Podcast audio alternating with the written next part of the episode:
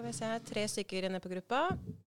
Vi, jeg, for de som ser nå på gruppa, så sender vi nå direkte fra podkaststudio Brumunddal. Oddpod, selskapt med selvutvikling i praksis. Vi bare lar uh, vente et par minutter til og se om det kommer flere folk på. Er det jævla mye lys der, eller? Prøve å ta imot spørsmål og sånn også fra gruppa, men um, blir jo primært ved poden. Og så sender vi bare direkte på gruppa her for de som er interessert i å se på. Her er det både fra Lofoten og Notodden, Hadeland, Bergen og Vet ikke hvor du er fra, Sissel? Og det stiger oppover her, så da tenkte jeg at vi kan starte. Klokka er vel halv. Ja. Så da um, tenker jeg at vi kan starte. Så da vil jeg bare igjen si hjertelig velkommen til selvutvikling i praksispodden. Jeg holdt på å si selvdisiplin i praksispodden i stad. Det hadde passa bra, det òg. Mm. jeg er Marianne Brodal, og dette er podden for de som kanskje vil ha litt strategi og litt verktøy for å kunne takle livet litt bedre. Og vi snakker om alt mulig rart mellom eh, himmel og jord. Ingen temaer som er tabubelagt.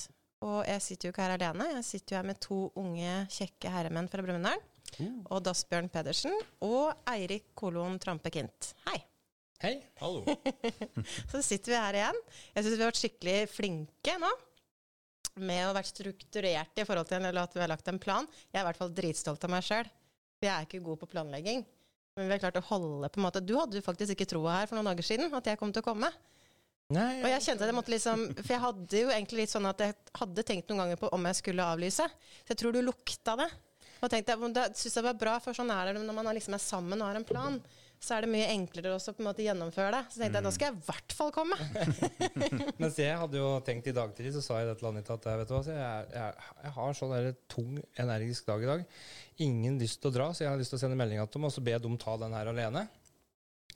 Og så ser jeg på meg og så bare sier jeg, gjør det, da. Og så vet hun at hvis hun sier det, så er det sånn Neggu heller. om jeg skal få lov til det. Nei, men det er bra. Så, det er veldig bra. Ja, men du er glad i å prate du òg, Asbjørn. Ja. Så det liksom kicker seg litt i gang, det. Ja, men i dag føler jeg meg rett og slett dum. Altså, det, jeg er på et nivå som er Altså, jeg leter etter ordene mine. Så det, mm. i dag så tror jeg jeg bare skal lytte. Mye lytting. Mm. Jeg tror det kommer til å flyte litt mer etter hvert, jeg. Ja da. Ja. Jeg klarer jo ikke å holde kjeft. Nei, det er akkurat det. Så får du bare komme med det som skal komme. Men uh, hvordan går det da med dere? Jeg sa jo at jeg hadde en gave til dere som jeg skulle ta på uh, direkten. Mm. Uh, har, det er jo en butikk i Brumunddal som jeg pleier å være innom. De har jo litt steiner og krystaller og liksom forskjellig. Så jeg pleier alltid å stikke innom der når jeg er der og kjøpe meg kanskje en ny stein eller en ny krystall. Sånn som den her i dag. Det er en sånn grønn turkis. Mm. Det er egentlig sånn bra, det er egentlig persisk stein, da, sånn egentlig. Som, um, som, er veldig bra. Og da falt det faktisk ned bokstavelig talt to andre steiner. Mm. Så jeg tenkte at jeg skulle ta med til dere. Tenkte at Den skulle dere ha. Så da fikk jeg beskjed om at Odd Asbjørn skal ha en grønn malakitt. Den er veldig god for eh, nattesøvnen.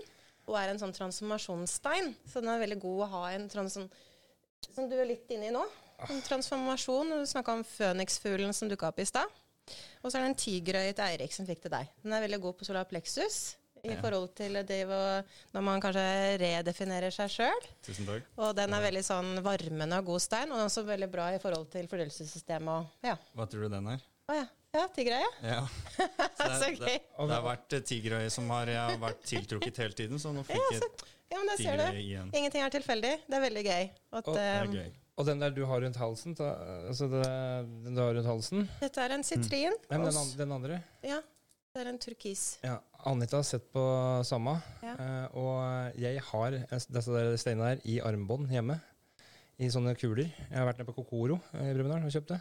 Ja. Mm. Hvor de har steiner og krystaller her. Og så får jeg nå, altså Grønn er jo den fargen da, som appellerer i all healing jeg driver med. Alt jeg gjør, så ser jeg grønt. Når du la hendene dine på meg i stad, så ser jeg den derre uh, Jeg kaller det regnskoggrønt.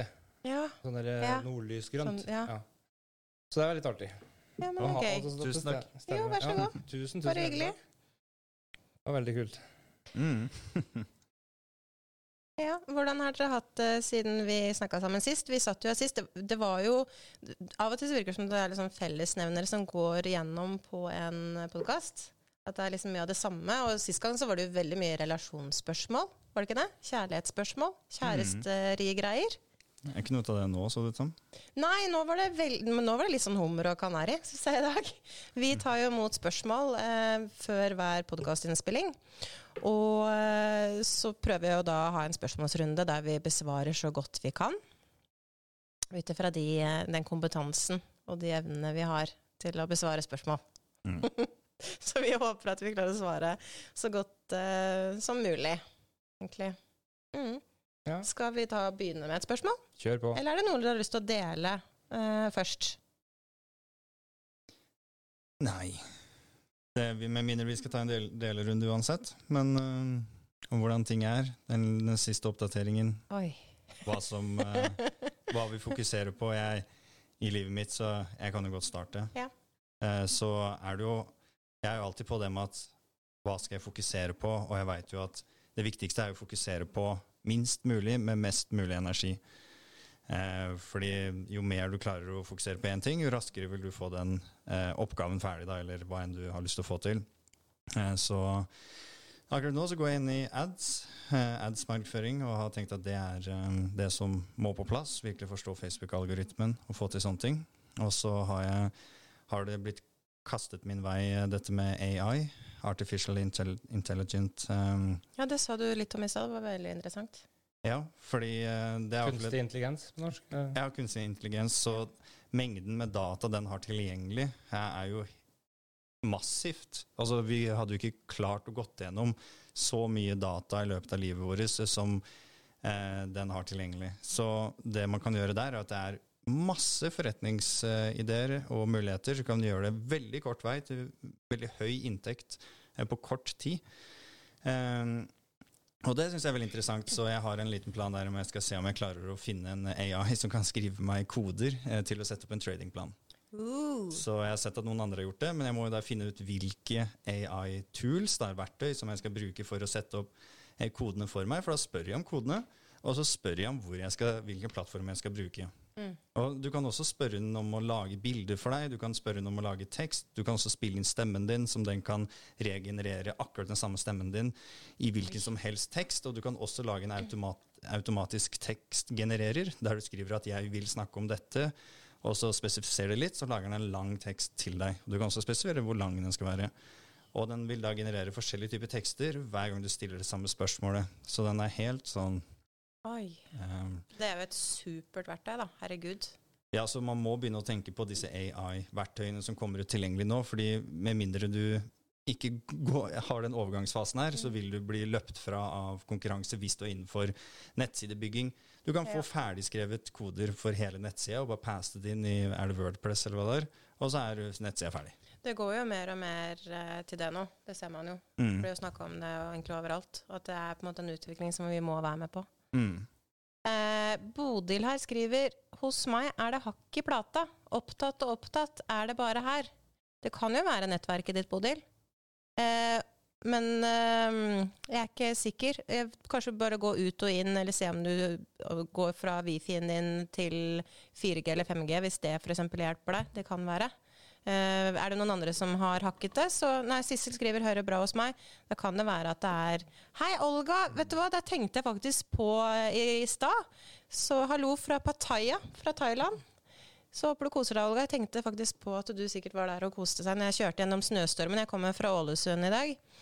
Uh, og der var det bare fine veier, men jeg kom litt sør for Åndalsnes, eller sørvest blir det vel, så var det snøstorm, og kunne ikke se en skit. Så eh, da tenkte jeg faktisk på deg, Olga. At du er i Thailand og koser deg. Det hørtes deilig ut. Så ja, eh, vi kjører da nå eh, live fra TikToken til Odd Asbjørn, Oddpod. Og vi har da Eirik her. Og vi kjører da direkte fra min Facebook-konto. Så den blir jo liggende ute, denne videoen. Denne kommer også til å komme ut på YouTube, og når den er klippet og klart, og også da på Spotify. Så vi skal da begynne med kanskje spørsmålsrunde. Eller kanskje vi skal spørre Odd Asbjørn først. Du sa jo da at du skulle være her for å lytte. Det tror jeg er lite på. Så er det, noe, du, er det noe du har lyst til å dele? Jeg har lyst til å dele alt, jeg. Ja. det, er, det, er, litt av det som er utfordringen.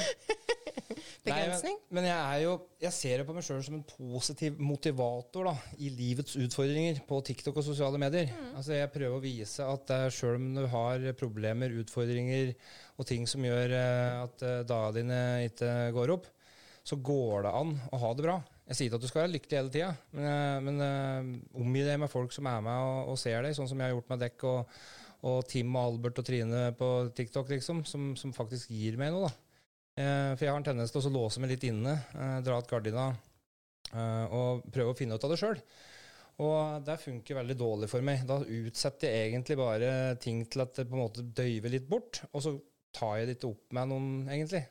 Mm. Sånn at jeg har utfordra meg i dag med å komme hit. Jeg sitter her i, i joggebukse og har ikke hatt i hårgelé, jeg har briller på huet. Altså jeg driter egentlig til åssen jeg ser ut. Jeg er her i ånden og i sjelen og fysisk. Og så skal jeg gjøre det beste ut av det. Du ser veldig bra ut. Takk for det, men jeg mm. føler meg skikkelig sliten.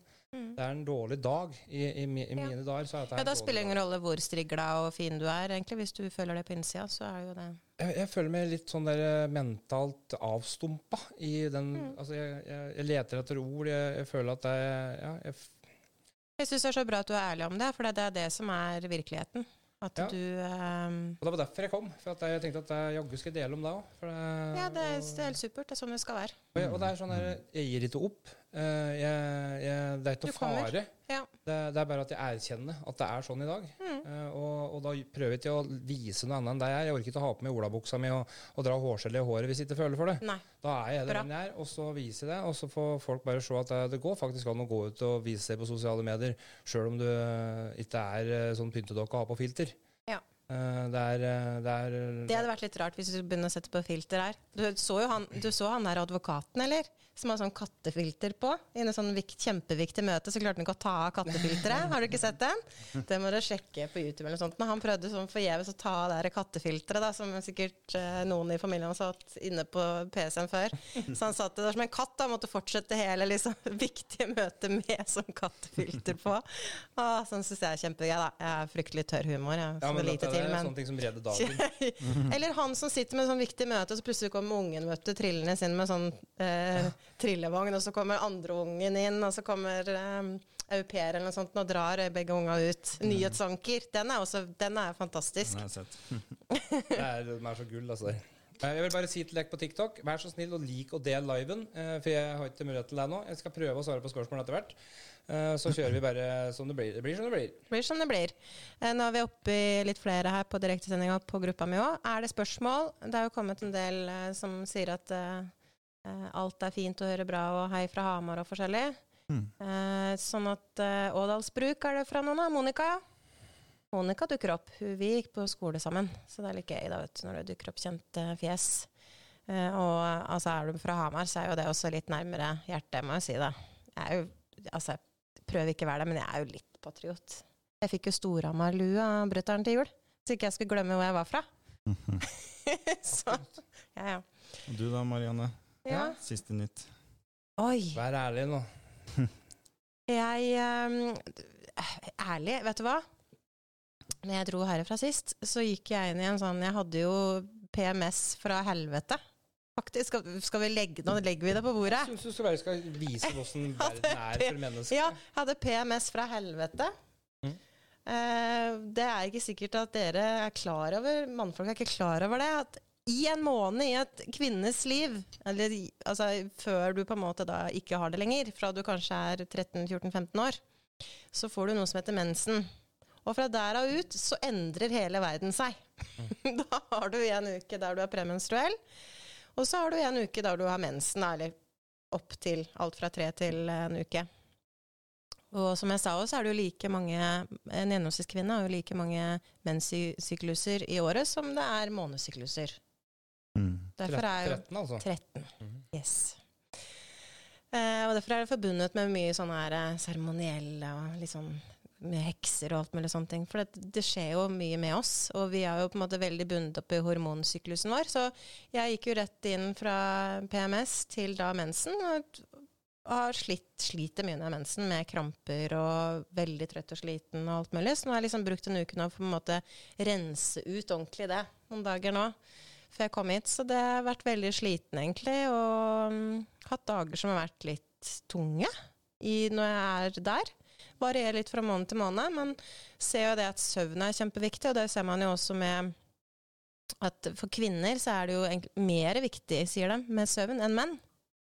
Fordi mm. at uh, vi trenger søvn for å på en måte balansere hormonnivået vårt i kroppen. Mannfolka har jo på en måte testosteronet i ballene godt bevart egentlig hele tiden. Men for oss kvinner så er det enormt viktig med søvn for å på en måte opprettholde hormonbalansen vår. Så det sier jeg til alle de der ute som har uh, små unger. Uh, og hvis du da er småbarnspappa, så er det viktig at dama di får sove, for det er faktisk forskning viser at det er viktigere for damene, eller vi trenger mer søvn enn menn. Det klaga jo folk. ja. Så da var jeg helt ærlig på uka mi. Så tenkte jeg at det er veldig greit. For uh, tenk på det. Det har jeg tenkt på mange ganger. Og jeg tar meg sjøl i det hver måned. Og nå er jeg liksom 42 og har hatt det siden jeg var 15. Jeg var sånn late bloomer, som det heter. Jeg var liksom litt sånn pipstilk med Brumunddal idrettslag, eh, joggebukse og håret til alle kanter, mens alle andre fikk liksom mens når du var 13 år. Så tok det liksom litt tid med meg, så jeg var late bloomer. Eh, men det tar meg sjøl i hver måned at to uker i måneden for, uh, for kvinner og jeg husker det var ei som het um, Teal Swan som sa det en gang, som er jo sånn, sånn spirituell lærer, om at uh, en kvinne er veldig sånn der eksempel på sesonger. Altså vi har liksom I en måned så har vi vår, og så har vi sommer en uke, og så har vi høst, og så har vi vinter i én måned. Så jeg syns det var litt sånn interessant. Mm. Eller de syklusene. Men uh, det har jo noe for seg, og det er veldig viktig at det ikke er noe tabu lenger. Altså det er um, rundt det her med å være premenstruell og mensen og alt mulig sånn. Det er veldig naturlig. Jeg er ikke helt med på sånne eh, TikTok-trender og sånn som er nå, at man skal smøre mensenblodet sitt i trynet og bruke det som ansiktsmaske. Eller at man skal på en måte få en type guddommelig kraft av å på en måte smøre det i panna. Men vet du hva, jeg dømmer ikke. Du gjør akkurat hva du vil for meg. Men Så det var meg. Men skal vi ta første spørsmålet? Kjør på. skal jeg finne deg fram? Eller nå sitter vi alle med telefonen. Ja, jeg, jeg har den her. Ja, ja. Ta første. Tips eh, for å få bedre fokus og konsentrasjon og klarhet. Vi har jo bedt folk sende inn tema, som dere har sett her på gruppa, og også spørsmål før hver podkast. Det kan du fortsatt gjøre nå i forhold til neste uke òg, men det første der var hvordan du kan få bedre Fokus, konsentrasjon og klarhet. Ja. Da starter vi med deg, Erik. Ja, Uh, nei, også det, Trening og helse er jo det du gjør um, for at kroppen din skal være mest mulig optimal. Det å kunne f.eks. trene på morgenen før du spiser, er jo også vist til å ha bedre muskelvekst. Så er det jo selvfølgelig å spise så sunt som mulig. Spise alt fra Noen mener at én gang om dagen er nok, noen spiser fire ganger. Men uh, spiser veldig lett fordøyelig mat vil hjelpe på at um, du holder klarhet, holder seg unna prosessert mat, spiser mat så nærme naturen som mulig. Raffinert sukker? Ja. det er verste for meg. Få bort sukker og kanskje gå litt ned på karbohydrater og tungt fordøyelig mat. Jeg la merke til det selv når jeg var veganer vegetarianer. Jeg var fire år og ikke spiste noe kjøtt, og da var jeg ja, mer klarhet. Spiser litt kjøtt nå, men uh, har egentlig tenkt å kutte det mer ut igjen. Kjenner at kroppen min ikke vil ha så mye, i hvert fall. Men det som kanskje er viktigst som langsiktig, utenom det du gjør med trening og helse og for kroppen din, det er at du har klart mål med livet. Og da går det ut ifra at du har, et, um, har en drøm, en, uh, et visjon, eh, der du virkelig ser hvor du skal hen. og da ut fra det så skaffer du deg hovedmål og neste logiske steg mot hovedmålet. Og det vil skape mest konsentrasjon og mening med alt du holder på med i livet ditt. Fordi ofte så sitter du og jobber, og du føler ikke helt sånn Ja, hvorfor gjør jeg det her? Men hvis du virkelig har det i underbevisstheten din, eh, på en automatikk, på at du veit hvorfor du gjør det du gjør, så vil du få mye bedre konsentrasjon eh, og fokus eh, rundt det. da. Mm. Så egentlig med trening, kost og eh, ha ordentlig klarhet i drømmen din eh, blir vel det enkleste å si sånn. Mm. Det går an å utdype seg veldig mye innenfor mange av de forskjellige der, men eh, vil sagt de tre tingene er det viktigste. Ja, Så merker man jo det også at det er jo altså, Noen dager har man jo kjempegod fokus og konsentrasjon, mens andre dager, andre dager drager. Ja, andre dager ikke. Sånn mm. at, eh, så det spiller jo inn veldig det du sier med hvor man er enn i seg sjøl, og Også, hva man har spist, og alltid, hva man har sovet. Alltid gå litt lenger enn du har lyst til å gå.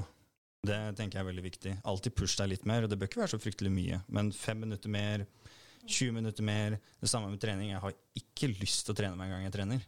Jeg føler meg noen ganger um, um, ikke noe bra uh, også, men da har jeg et minimumsmål, fordi du som person vil alltid kjempe hardt for å nå dine standarder. Uh, så derfor øk dine standarder over tid. Men f.eks. minimumskravet mitt for i dag morges var fem ganger fem på knebøy. Så jeg ikke har trening hjemme, så ekstra lett tilgjengelig. Gikk ut, tok fem ganger fem på knebøy. med den vekta, så jeg øker gradvis. Og det var For det er hovedmålet mitt. Jeg har lyst til å ha ekstra fremgang i knebøy. Og da er jeg fornøyd.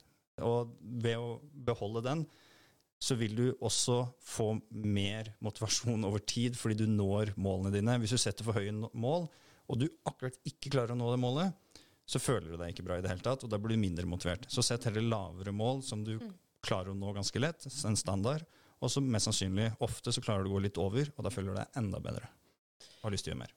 Ja, veldig bra. Belønninga for den dagen der, den drittdagen du møter på trening på, mm. den kommer kanskje ikke den dagen eller dagen etterpå. Men når du har hatt ei mm. uke mm. eller to da, med sånne drittdager for at du er i en dårlig periode, eh, og så kommer du over i For det går jo som regel over. Mm. Eh, og når du da vet at du har vært på trening de 14 dagene der, mm. eh, i den tredje uka, da mottar du belønninga, fordi da har du møtt opp. For at, uh, da er det, Hvis du ikke hadde gjort det, så ser du tilbake på dem med dårlig samvittighet. Fader at jeg ikke møtte på trening på de, der, de 14 dagene der som jeg var. Hvorfor gjorde de ikke litt?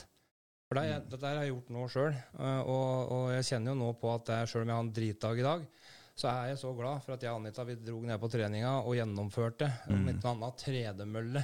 Mm. Prøvde å løfte mm. vekter, det gjorde vondt, orka ikke. Men jeg var der og gjennomførte hele timen. Ja. Og så går jeg, på, går jeg, på, vekta i dag, og så ser jeg at jeg har faen meg gått ned en kilo på mine dårligste dager ever, mm. liksom. Mm. I stedet for at vekta sto stille. Sånn at mm. der fikk jeg belønninga mi da, med å møte opp på drittdagen. Og så føler du deg bedre nå ja, ja. fordi du har trent i dag også? Dagen i dag kunne vært mye verre hvis jeg ikke, ja, ikke hadde møtt mm. på den. Mm. Men det er kjempeviktig å se mm. det litt uh, i forhold til hvordan det kunne ha vært. Mm. At det kunne ha vært verre. Mm. Det tror Også, jeg er veldig viktig. Det går an å slenge ut det med å teste ut intimate fasting og det hele tatt en ordentlig faste eh, på en uke med jusfaste eller noe sånt. Eh, det er effektivt. Jeg hadde åtte dager da jeg bare drakk jus. Og den klarheten jeg fikk da, det var som at jeg så farge bedre, jeg så synet mitt ble bedre følte meg, Jeg var ikke sulten i det hele tatt. og Følte meg kjempebra. Men eh, jeg tror kroppen min er ganske kobla på hva jeg tenker, så jeg ble veldig sulten før jeg skulle faste. Ja. For jeg visste at jeg skulle faste, for jeg hadde bestilt legetime, den blodprøve. Eh, og når jeg da tar blodprøven, så var jeg ikke sulten i de åtte dagene. Men jeg syns det var fint med jus, fordi blodsukkeret kan dette skikkelig. Og da kan du drikke druejus, f.eks., så kicker det litt opp igjen. Det andre er jo kald dusj. Det er også en ting jeg kan slenge ut. Det, det, det er faktisk veldig, veldig, bra. Eller bare det å ta kaldt vann i ansiktet. For mm. bare du får deg en sånn kald eh, overraskelse, så blir du satt i gang noe som heter diving reflex. Som du blir satt i gang. Det er jo både med oss og med dyr. Og det som skjer da, er at blodtrykket ditt automatisk går ned. Mm. Og så stresset på en måte at det skjer noe med deg. da. Eh, og at du da på en måte blir kicka inn i en sånn herre eh, eh, Du blir kicka inn sånn at du hva heter det, restart. Ja. ja, Fight flight, nesten. ja. Sånn at det også anbefales å, å, ta deg en kald dusj eller en bare iskaldt vann i ansiktet. Um, og ikke drikk kaffe med en gang du står opp. Fordi det var, Hvis det er riktig det jeg hørte, da, så er det det at du har Nå husker jeg ikke hva det heter, eller noe, men du har noe i kroppen din. Det du blir trøtt av, det tar eh, ca. rundt 90 minutter før det har kommet ut av kroppen din etter du har mm. våkna. Så vent i hvert fall 90 minutter før du drikker kaffe. Og jeg har fulgt den siste snart en uke. Og jeg syns det virker mye bedre. Så jeg venter omkring to timer. Da er det ikke noe kaffe, ikke noe snus for min del, og ikke noe mat. Så jeg heller trener på fastende, ma eh, fastende mage, da. Og da er det to timer med bare vann. Eh, så det, det er funker veldig bra. Og så I forhold til fokus og konsentrasjon, og sånn, så kan jeg alltid anbefale det å gjøre det sammen med andre. Og det har jeg sagt også på gruppa mi. Jeg har jo både en side og en gruppe på Facebook som heter Marianne Brodal. Gruppa er jo snart nå oppe i 1000 medlemmer. Og når det er tipper over 1000, skal jeg trekke en person som også vinner en uh, veiledning eller gratis behandling eller samtale med meg. Uh, men det vi snakka om der på Jeg hadde, har jo livesendinger der også hver måned. Og da har vi snakka om det her med å kunne ha en form for utfordring. Og det går også litt på fokus og konsentrasjon. At hvis du har en utfordring eventuelt sammen med andre òg, hvis du sliter på en måte da med, som jeg sa i stad når jeg skulle presentere, jeg holdt på å si selvdisiplin i praksis istedenfor selvutvikling, Eh, så er det å anbefale hvis du syns det er vanskelig med selvdisiplin, så går det an å på en måte uh, bli et team, da, eller eh, sammen med andre, sånn som jeg sa med folk på gruppa òg, og spørre hva slags type Hva er det dere vil ha utfordringer på? Og da er det alt fra å på en måte gå på tur hver dag, det har også vært det med faste. Jeg faster jo hver dag, bortsett fra lørdag, etter klokka fire. Eh, og så spiser jeg ikke da før klokka ni dagen etterpå.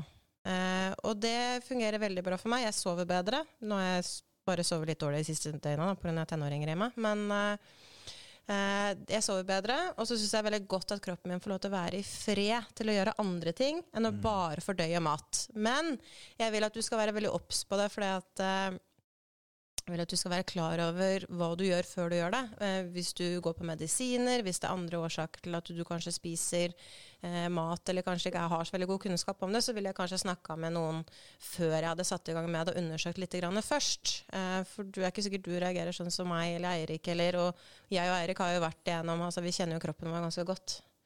Eh, I form av at vi drev med ganske mye trening begge to. og og vært gjennom mye mer næring og kosthold, sånn at vi kjenner kroppen vår godt. Så hvis du er usikker på det, så ville jeg i hvert fall hørt med noen først. Ikke um, start på en tredagersfast, liksom. Nei. Uh, begynn å faste fra klokka f.eks. åtte om kvelden til eh, tolv ja, på dagen ja. da, etter. Og så utvider du med timer liksom, etter hvert som du føler det er greit. Og jeg drikker kun vann. Hvis du føler at du kan gå på en uke, så gå på en uke. Og det gjorde jeg. Mm, ja. Jeg hadde aldri fasta noen gang, og så gikk jeg på åtte dager. ble det da. Så mulighetene er der, men ja, um, start i det små. Selvfølgelig. Én dag eller to dager Litt. Ja. Så er det det å spise seg ned. Um, lettere mat. og så det viktigste er å spise seg riktig opp igjen. Mm. Og det finner man veldig lett på nettet, for hvordan man skal gjøre det. Men det vil jo bygge opp eh, probiotikbakteriene og sånt i magen. da. Mm. Eh, for det å få resatt hele den eh, bakteriefamilien i magen, den, eh, det er jo noe av det Det er kjempemye fordeler. Veldig, og det er jo noen som tror at kroppen bare er til for å forbrenne mat. Mm. Og, at, eh, og, for mange så er det jo det som er kanskje hovedfunksjonen i en kropp òg. Mm. At kroppen liksom spinner rundt og forbrenner mat. Og det å på en måte gi kroppen muligheten til å være litt i fred mm. til andre funksjoner. Eh, og kunne få lov til å hile seg og organer og restart, som du sier, bakterieflora i tarmen og alt mulig, er jo kjempeviktig. Ja, vi har flere spørsmål og temaer. Vi har fått en her av Trine også, for jeg får jo en spørsmål her fra min Facebook-gruppe. Skal bare ta den fort, siden vi er inne på det. Mm -hmm. Trine Merete Ausles, eh, som er eh, inne her, skriver noen tips angående sukkersug. Det går bra hvis jeg holder meg helt unna, men litt kjedelig å ikke kunne kose meg med en is eller kake i selskap uten å bli helt avhengig. Jeg tror ikke du er alene der, Trine Merete. Der har jeg et svar som har funka veldig for meg. da. Ja. For jeg hadde sinnssykt sukkersug. Jeg våga 130 kilo for uh, et halvt år siden. Wow. Nå veier jeg 106. Mm. Uh, og uh, jeg hadde et sukkersug ut av det villeste, ja. Sånn at jeg kunne spise en halv sjokoladekake før jeg la meg om kvelden og sånn, ja, og en liter mjølk. Oh. og og gå og legge meg, og så våkne klokka tre om natta og gå på løs på noe kjeks og noe brus og drepe på sånn hele tida. Jeg bare kjente jeg fikk vondt i kroppen bare ja, du sa det.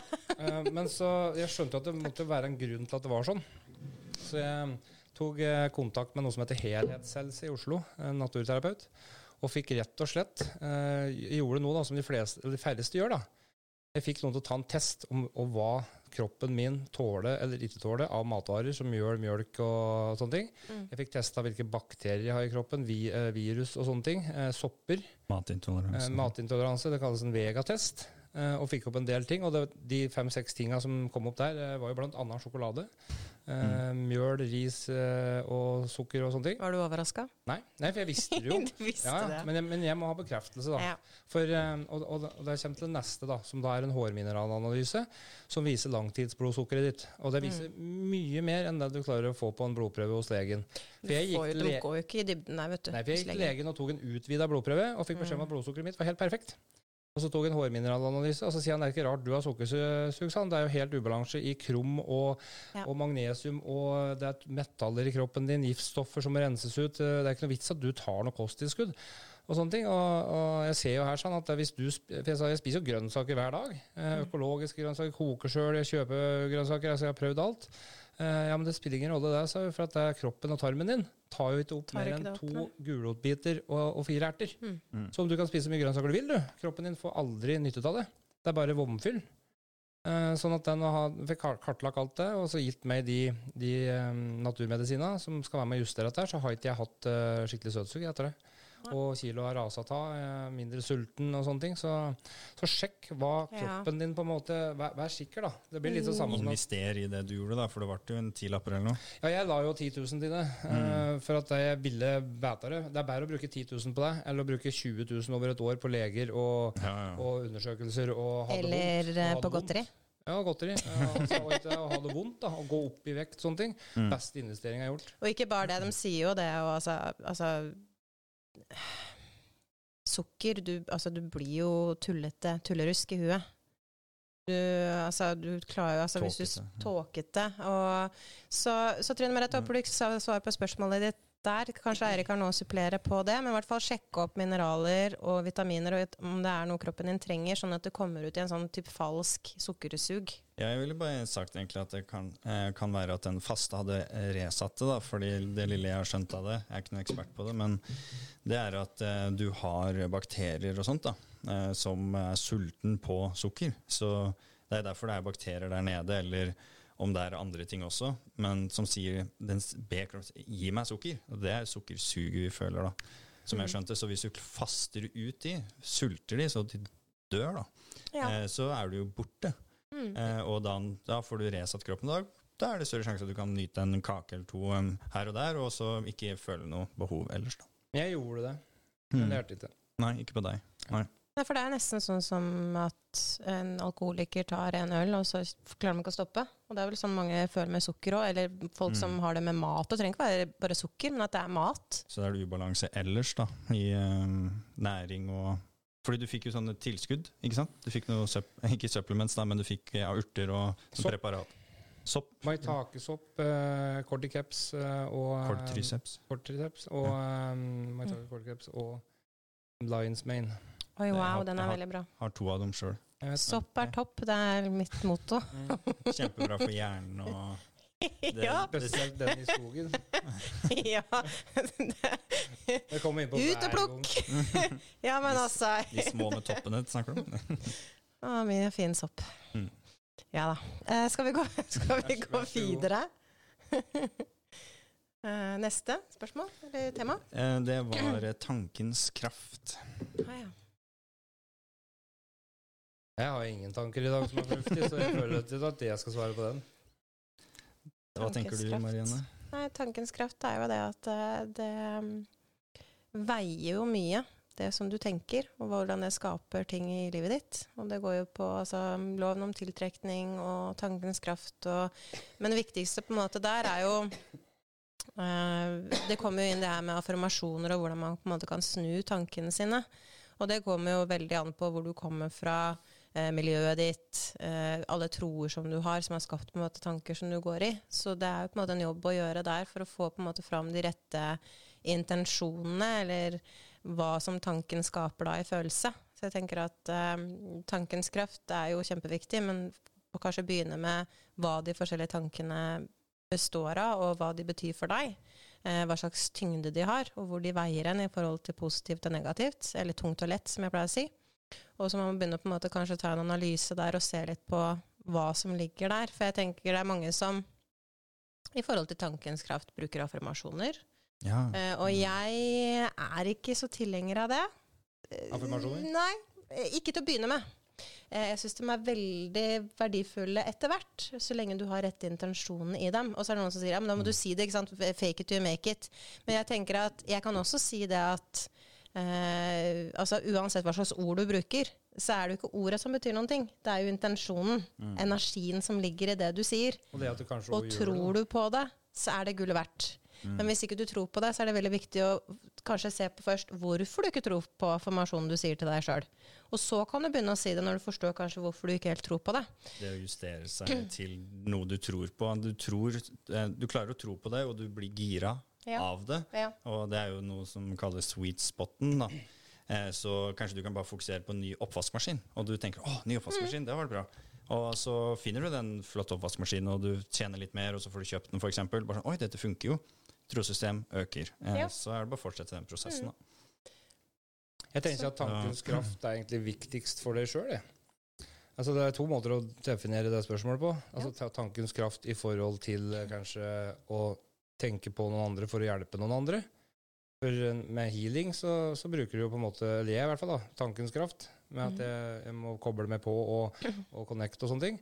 Mens eh, tankens kraft for seg sjøl, det er mer som du sier, på en måte, at det er å legge, legge følelsene dine i det.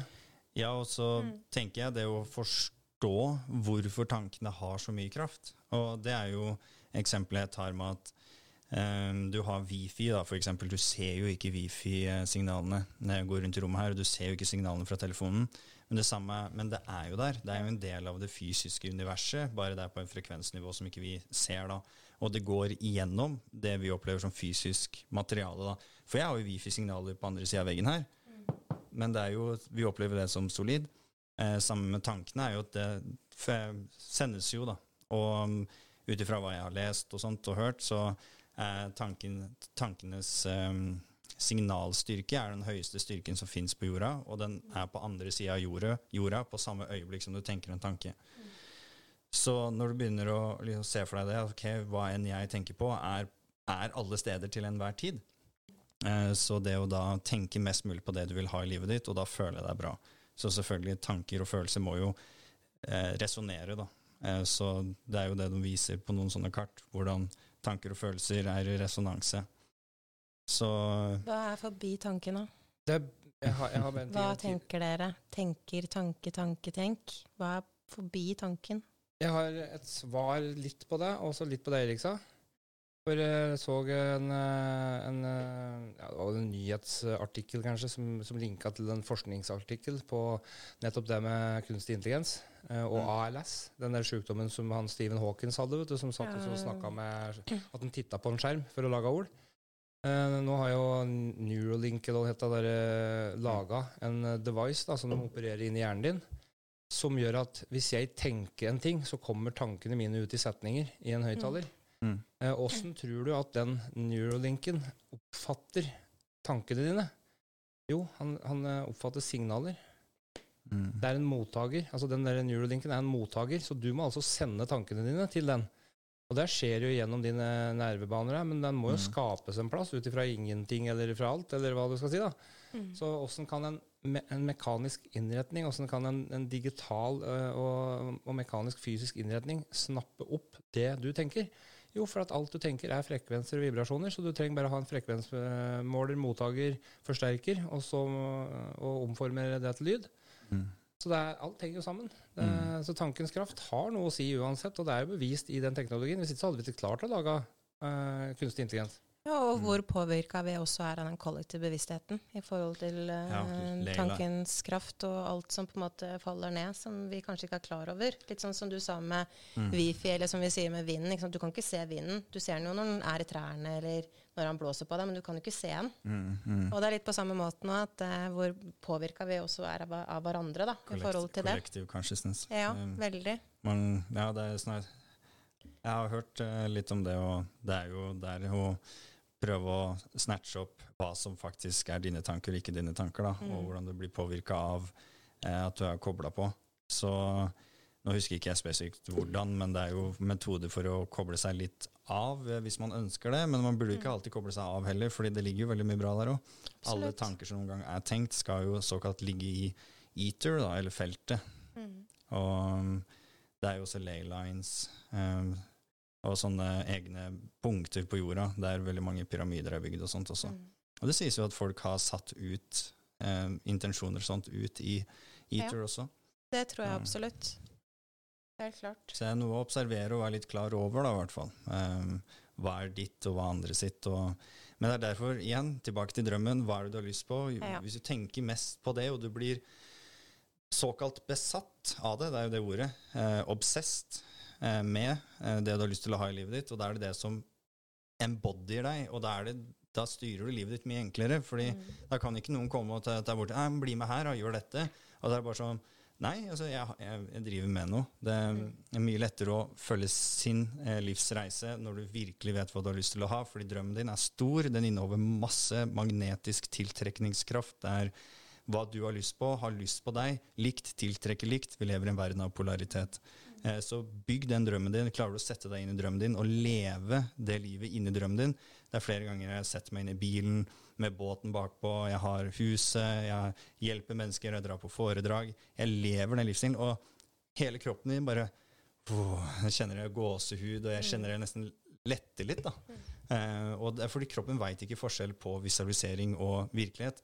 Eh, så derfor, skap en stor drøm der du virkelig kan leve deg inn i. og Um, etter hvert så vil brikkene falle på plass. Vi tror at vi må begynne herfra og gå fram. Nei, vi begynner fram og går bakover, og så vil det være lettere å komme seg dit du vil. da.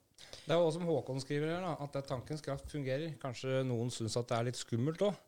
For noen ser jo på oss som rare fordi man tror på noe sånt. Mm. Og det er jo litt sant, da.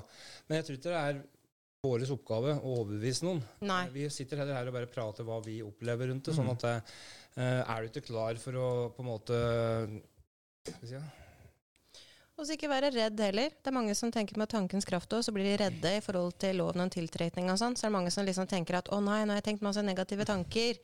Og så er det nesten sånn og du har lyst til å suge dem inn igjen. ikke sant? Jeg angrer, jeg angrer, jeg angrer. Delete, delete. Og så er det sånn at altså, Du må huske på det at én positiv tanke veier jo tusen ganger mer enn negative tanker. Eh, sånn at eh, man må i hvert fall ikke legge noe skam eller noe sånn dårlig samvittighet på hvis du da har en crappy dag og tenker mye dritt, for det gjør vi alle sammen. Mm. Eh, men det er så lettere å veie opp med en positiv tanke, for det er så mye verdt. sånn at eh, ikke vær redd for å på en måte gå inn i det.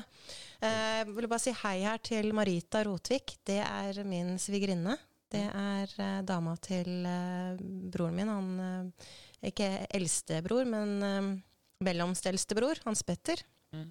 Vi har jo mest kontakt, jeg og Marita. Det er kanskje som med svigerinner, eller? Jeg er mer i kontakt med hun enn jeg har med brødrene mine. Men hei, Marita. Du er sikkert kjempeglad nå for at jeg drar deg opp her og sier hei. Eh, og så har vi også Eva her som sier kraften er vanskelig å forstå for mange. Har du mye negativitet i livet ditt, så vil din vibrasjon være lav. Eh, det er viktig å fortelle hva du tar inn av all energi du omgir det med hver dag. Alt er energi. Mm. Mm. Eva er jo, for å si det sånn, en utrolig dyktig uh, healer og klarsynt som jobber på Vykoll. Så jeg vil bare si det. Så at hun kommer inn her og supplerer, det syns jeg bare er helt nydelig. Kjempefint. Vi er jo på en måte Selv om vi sitter der og skrevler, så er vi jo liksom et fellesskap. De, alle de som ser på, syns jeg er viktige. Så at hvis du har lyst til å bidra med noe, så er det bare å skrive. Siste jeg kan si på det for min del, er jo at uh, hvis noen er redd for at Ja, men jeg er redd for å ta det i bruk. Mm så er det litt sånn Ja, men du har jo alltid Du gjør det hele tiden. Ja, du har alltid tatt i bruk. Du kan på en måte ikke la være å ta det i bruk. Det er bare at du er blitt bevisst på det. Ja, med mindre du skal bli munk og lære deg slutt å tenke, så ja. det, Men ja, nei, det er tatt i bruk hele tiden. Så det er bare å benytte seg mer av det. De som eh, Det er jo den um, rytmiske um, Ja. Nei, jeg glemte det ordet akkurat nå, men det er jo å være i den rytmen av Staten. positive tanker. Ja, det er Tilstanden? Ja, jeg husker ikke ordet akkurat nå. Eh, skal vi ta neste? Mm. Som folk har jo sendt inn spørsmål og, i forhold til temaer, så da går vi inn på neste. Affirmasjoner, er det nyttig? Ja, det var det vi snakka litt om i stad. Affirmasjoner. Eh, altså, ord er jo ikke verdt en drit så lenge ikke det på en måte har en intensjon. Altså, det er jo sånn som at du, du kunne jo stått ei dame her nå og sagt masse helt forferdelige ting til deg på japansk. Men du hadde ikke tatt deg noe nær av det, for du hadde ikke visst på en måte hva hun hadde sagt, eller intensjonen på en måte i det. sånn sett, ikke sant? Du hadde kanskje sagt, sett at du hadde vært sint, men du hadde på en måte ikke visst hva hun hadde sagt. Mm. Så på en måte Altså, én ting er på en måte ord, det betyr jo ingenting. Um, så lenge ikke på en måte intensjonen uh, ligger i det. Sånn at uh, for meg så Affirmasjoner jeg synes at Så lenge ikke du bruker det som virkelighetsflukt, og jeg er ikke helt på det der fake it to make it, egentlig. Jeg syns at du først skal analysere litt hvorfor du kanskje vil begynne med affirmasjoner. Hva er, hva er grunnen til det? Eh, hvis du vil ha bedre selvtillit, f.eks., og du vil ha altså, egenkjærlighet og egenverdi, og du kanskje begynner å si 'jeg elsker meg selv', og, og uh, alt skjer til det høyeste beste for meg, så er det det å på en måte tro på det. Men jeg tenker at det viktigste før man da begynner med, sånn, med affirmasjoner, så er det kanskje å se på hvorfor du trenger det. Og tørre å gå litt inn i det først, for ellers så blir det en virkelighetsflukt, som mange på en måte bruker det til. Så se litt på hvorfor du trenger å bruke det først, og vær litt ekstra god med deg sjøl. Vis deg sjøl litt omsorg med å gå inn i grunnene til kanskje hvorfor du føler at du må begynne med det. Eh, for da vil de på en måte eh, være mye mer virkningsfullt, mm. tenker jeg. Mm. Jeg er enig med det. Det er altså finne ut litt mer om hva man har lyst på, hvordan man skal gjøre ting, og hvem man har lyst til å bli til, ja, før man faktisk ja. Eh, jeg kan se for meg det. det jeg starta jo bare med det som et verktøy med alt annet. Ja. Um, men jeg brukte jo litt sånn som at jeg syntes det var ubehagelig å ta telefoner, så jeg skrev jeg, jeg er komfortabel med å ta, ta, telefoner, jeg klarer å formidle mitt budskap, jeg føler meg eh, trygg og rolig. Mm. Eh, så med affirmasjoner så er det viktig å si hva du er flink på, eller hva du har lyst til å forbedre, og så legge mm. til følelse etterpå. Jeg tror jo mye av, års, eller mye av hensikten med det er jo at det skal jo synke bare ned til underbevisstheten. Eh, mm. fordi uansett om du eventuelt ikke tror på det, så vil du over tid bare synke ned. Du trenger ikke ha noe særlig forholdning, forholde deg noe særlig til det. Bare les det, og spill det inn på lydfil, og hør det. fordi det synker inn, synker inn, synker inn. Og etter hvert er det sånn Nei, den affirmasjonen her passer ikke lenger. Så bare bytt den ut. Bytte ut til noe annet. Så lenge så. du har på en måte et mål, tenker jeg, så er det mm. viktig. Mm. At jeg syns det er viktig å på en måte kanskje først analysere litt. Grann, se på en måte om du har masse biter i et puslespill. Se litt på liksom hvilken bit som skal passe mm. hvor. Mm. Uh, og så finner du på en måte de affirmasjonene som da du måtte trenge. Og jeg har jo ofte affirmasjoner som kommer ned som jeg gir til kunder. Uh, det kan også være ut ifra forskjellige chakraer energisenter som du har, som da utspiller forskjellige typer tematikk som du kanskje trenger en affirmasjon på. Men da har vi også jobba oss litt igjennom kanskje tematikken først. Da føler jeg at da, da går det Altså det vil jo på en måte sette seg, som Eirik sier, underbevisstheten. Men jeg tror at hvis du åpner opp på en måte litt såret som ligger der, eh, først, og ser litt på det, så er det på en måte eh, Da går det kjappere inn, mm. sånn sett. Mm. Ja kan se på det som at du bare leser bøker og hører på folk ellers også. Det, mm. Louis Hay anbefaler jeg. Eh, det skrives L-O-U-I-S, tror jeg. Og A-Y. Du kan jo skrive det inn eller noe sånt senere. Louis Hay er jo også ei som har skrevet affirmasjoner til egentlig alle fysiske lidelser. Eh, for hun mener at det stammer fra på en måte emosjonell ubalanse. Så hun er egentlig for alt. Og hun har en bok da som går på alt. Så hvis du da sliter med nyrer eller sliter med biuler Jeg hadde jo en periode jeg sleit med biuler. Jeg husker den informasjonen enda. Uh, og det var på en måte med indre fred og ro, og at uh, biuler gikk på at du kanskje hadde sterk irritasjon til nærgående menneske. og det stemte sikkert på den tida der. Men, så Louis Hay hvis du er interessert i affirmasjoner, så vil jeg ha sjekka opp hun. Videre til neste spørsmål. Jeg lurer, på, jeg lurer på om det snart blir opprydning i Norge, så vi kan bli kvitt politikere eh, som kun tenker på seg selv. Oi! Nå var Rett over til politikken. Her var det Vi kastes inn rett fra affirmasjoner og inn i politikken. Jeg skal si hva jeg mener om det, men uh, Odd Asbjørn har vært litt stille nå, så jeg blir jo nesten redd. Så du, vi, du skal få lov til å starte ballet på den, Odd Asbjørn. Så ikke du sovner borti der. Er vi kjedelige, eller, i dag? Nei. Tusen hjertelig takk for at jeg fikk lov til å ta politikere. Det var det, det jeg trengte i dag. Som vi sa, det er ikke noe temaer her som uh, blir forbigått og som er tabu. Så hvis noen spør sånn, så vi svarer så godt vi kan. Jeg skal svare hva jeg oppfatter rundt, da. Ja. Politikk, hva, det var politikere i Norge, var det det? Ja, at de, de som bare tenkte på seg sjøl. Opprydning. Ja, i Norge. Altså Fram til jeg ble knivstukket, hadde en åndelig oppvåkning, begynte å grave litt og finne informasjon som er alternativet til mainstream media, da, som er et utslitt ord i min verden nå. uh, men uh, altså, det handler ikke om å tro på konspirasjonsteorier. Det handler ikke om å tro på uh, Eller ta side. Og det er det politikken handler om, føler jeg. Og det er mine meninger, mine følelser. Det har ikke dermed sagt at det er riktig. Men eh, etter å ha gravd litt om hvordan politiske partier fungerer Jeg har sett videoer, lange, kjedelige videoer av tidligere eh, Jeg heter ikke borgermestere, men hva heter det når det er i kommunen? Du er eh, Ordfører. Ordfører, ja. jeg husker ikke navnet på han nå, men i hvert fall han sendte meg videoer om hans erfaring i politikken. og jeg skjønt, begynte å forstå åssen politikken var bygd opp.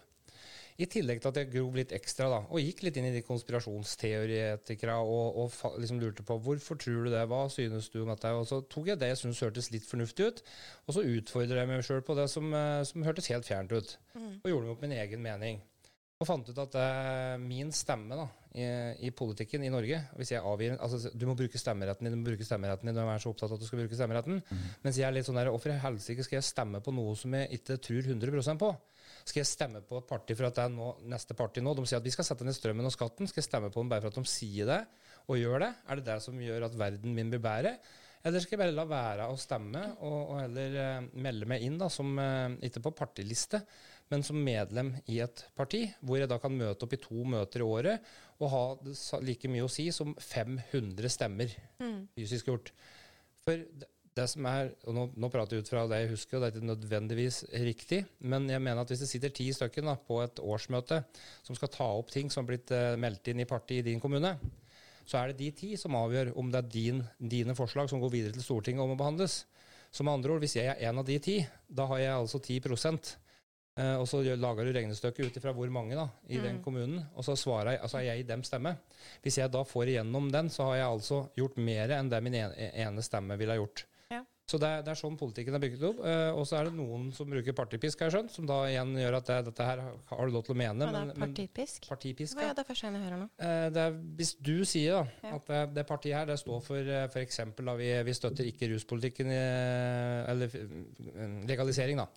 Og det er det, partiet, det er det, det partiet her mener. Og så kan det sitte tre da, rundt det bordet som egentlig ikke mener det, mm. men som blir pålagt da, å stemme partiets mening. Okay, ja. Det er partipisk. Okay. Sånn jeg har forstått det. det mm ta det med en klype salt. Men derfor så er det sånn derre Gjør noe aktivt. Mm. Meld deg inn i et parti hvor du da blir må, Å ta et verv. Det koster deg, eh, koster deg to oppmøter i året å komme med dine saker og, og det, de personene som støtter deg. Og da har du plutselig 500 da, stemmer, eh, faktiske stemmer, da, som kan påvirke eh, hva de på Stortinget må ta opp og gjøre noe med. Mm. Så det er mine tanker om politikk. Vi får ikke gjort noe med dem, og hva jeg syns om dem. Det skal jeg ikke dele her. Mange gjør mye bra ting, og jeg er sikker på at mange av dem gjør det med hjertet. Men hvis vi skal tro på det, og gå litt inn i den konspirasjonsgreia Og hvis vi skal tro på da, det faktisk kjente, rike, anerkjente coacher og mentorer i verden sier, så sier alle det samme. Det er 5 av verdens befolkning som styrer 95% av økonomien, medisina, maten, saltet, olja, gassen. Mm. Og det er jo igjen bevist nå under krigen. Ja. Så jeg har ikke noe mening om politikere, men jeg har noe å mene om hva du kan gjøre for å påvirke politikken. Mm. Det beste du kan gjøre, er ikke å sitte der og surmule over ting du ikke får til, men å faktisk gå inn og aktivt gjøre noe med det sjøl, og, og, og, engasjere deg. Ja. Ja, Hvis du vil gjøre noe med det. Ja, hvis du vil gjøre noe med Det Det er jeg faktisk helt enig i akkurat den biten her. Jeg har jo stemt noen siste åra, men vet du hva jeg har stemt? Jeg stemmer blankt. Ja, det går an, da. Ja, for det er også et signal på at jeg ikke helt er med eller får med meg, eller syns ikke ting er såpass tydelig. Sånn at jeg ikke vil, ikke, vil ikke bare stemme. Men det jeg mener er at, for det var noen som skrev det her inne på, på, gruppa. Og i en sånn type melding, når det på en måte folk skriver da, om hva de på en måte ikke liker, så er det veldig tung energi. Og det, for, altså for meg så er jo alt energi. Og det kanskje ikke alle forstår i forhold til ren energiarbeid, er jo at hvis du legger veldig mye eh, fokus og oppmerksomhet på noe, hva skjer da? Det blir stø enda større. Mm. Så hvis det er noe du absolutt ikke liker, som f.eks. hvordan politikken er i Norge, og du da bare proklamerer det du hater om det, og det du misliker, og det du ikke syns er bra, hva skjer da? Det du misliker, og det du proklamerer, blir enda større. Det du har mest oppmerksom på, oppmerksomhet på og fokus på, blir alltid større. Det er jo sånn det er. I, som vi sa, tiltrekker deg det. Mm. Så det som jeg på en måte vil Som jeg syns er kjempeviktig, det er det at vær obs på hva du proklamerer, og hva du på en måte da eh, For det er noen som kanskje tror at de gjør noe bra med å snakke om hvor dritt noe annet er. Men det er bedre da å proklamere hva du liker, hva slags endringer du vil ha, hva du syns er positivt og fint. Proklamer det isteden, for da vil, det også du, da vil du tiltrekke deg det mer, og det vil bli større. Hvis folk hadde vært på en måte mer, eh, var mer oppmerksom på det. Mm. Det syns jeg er kjempeviktig. Og ikke være redd for å si hva du mener. Nei, ikke vær redd for å se det du mener. Ikke vær redd for at folk er uenige med det heller. Nei, men prøv kanskje å tenke litt på hvordan du omformulerer deg når det er noen ting. Eh, prøv kanskje å tenke på, det sier jeg til folk òg, når du bare tenker på måten du snakker til deg sjøl på eller andre ting. Eh, prøv å tenke på hva er det du liker, istedenfor å hele tida ha fokus på det du misliker. Eh, kjenn på hva du vil, istedenfor å kjenne på alt det du ikke vil. Kjenn på hva du har lyst til, istedenfor å kjenne på det du eh, er redd for å på en måte få i livet. Det er der på en måte vi må endre litt tankegangen. Mm. Det var egentlig mitt svar. Bortsett fra det jeg sa jeg er ikke interessert i å gå noe dypere inn i politikken. Kan, nå syns jeg at du, Odd Asbjørn, svarte veldig bra akkurat på det. Og da vil jeg gå rett over på et tema jeg føler Vi var så vidt innom det, men jeg har fått et spørsmål i liven her. Jeg vil bare si hei til Ragnhild. Ragnhild Sæter eh, er inne her nå. Skriver 'hallois, fine folk'. Mm. Fantastisk dame som alle burde gå inn og følge. Absolutt. Gå inn og følg Ragnhild Sæter. Hun ser jo inne på gruppa her nå. Eller hvis dere hører det, Sæter uten H. Hun har også yoga og er Ragnhild, yoga med Ragnhild. Eh, har yogatimer i Brumunddal. Så anbefaler hvis du bor i området og har lyst til å være med på gode yogatimer. Coach Ragnhild på Facebook. Coach Ragnhild på Facebook, også yoga med Ragnhild. Og da passer det jo bra, ja. som tidligere rusavhengig. Ja. Og det, det, det, er jo flere på, si, på nettet her som er. Eh, og kanskje i aktiv rus òg. Eh, for her kom det et spørsmål om hva synes dere om psykadeliske sopper? Jeg personlig elsker det. Du nevnte jo at du var veldig glad i sopp, så jeg tenkte at det passa bra å gå eh, innom det. En gang til for å stille, stille spørsmål. Hva synes dere om psykadeliske sopper? Jeg personlig elsker det. Og da vil jeg bare nevne at sjøl om jeg har vært narkoman mm. aktiv rus, så har jeg aldri prøvd det. Mm. Jeg har aldri vært glad i verken øh, opiater, øh, øh, cannabis, hasj. Jeg har prøvd, prøvd det, men det var ikke noe for meg. Det var amfetamin mm. som var min medisin, på en måte.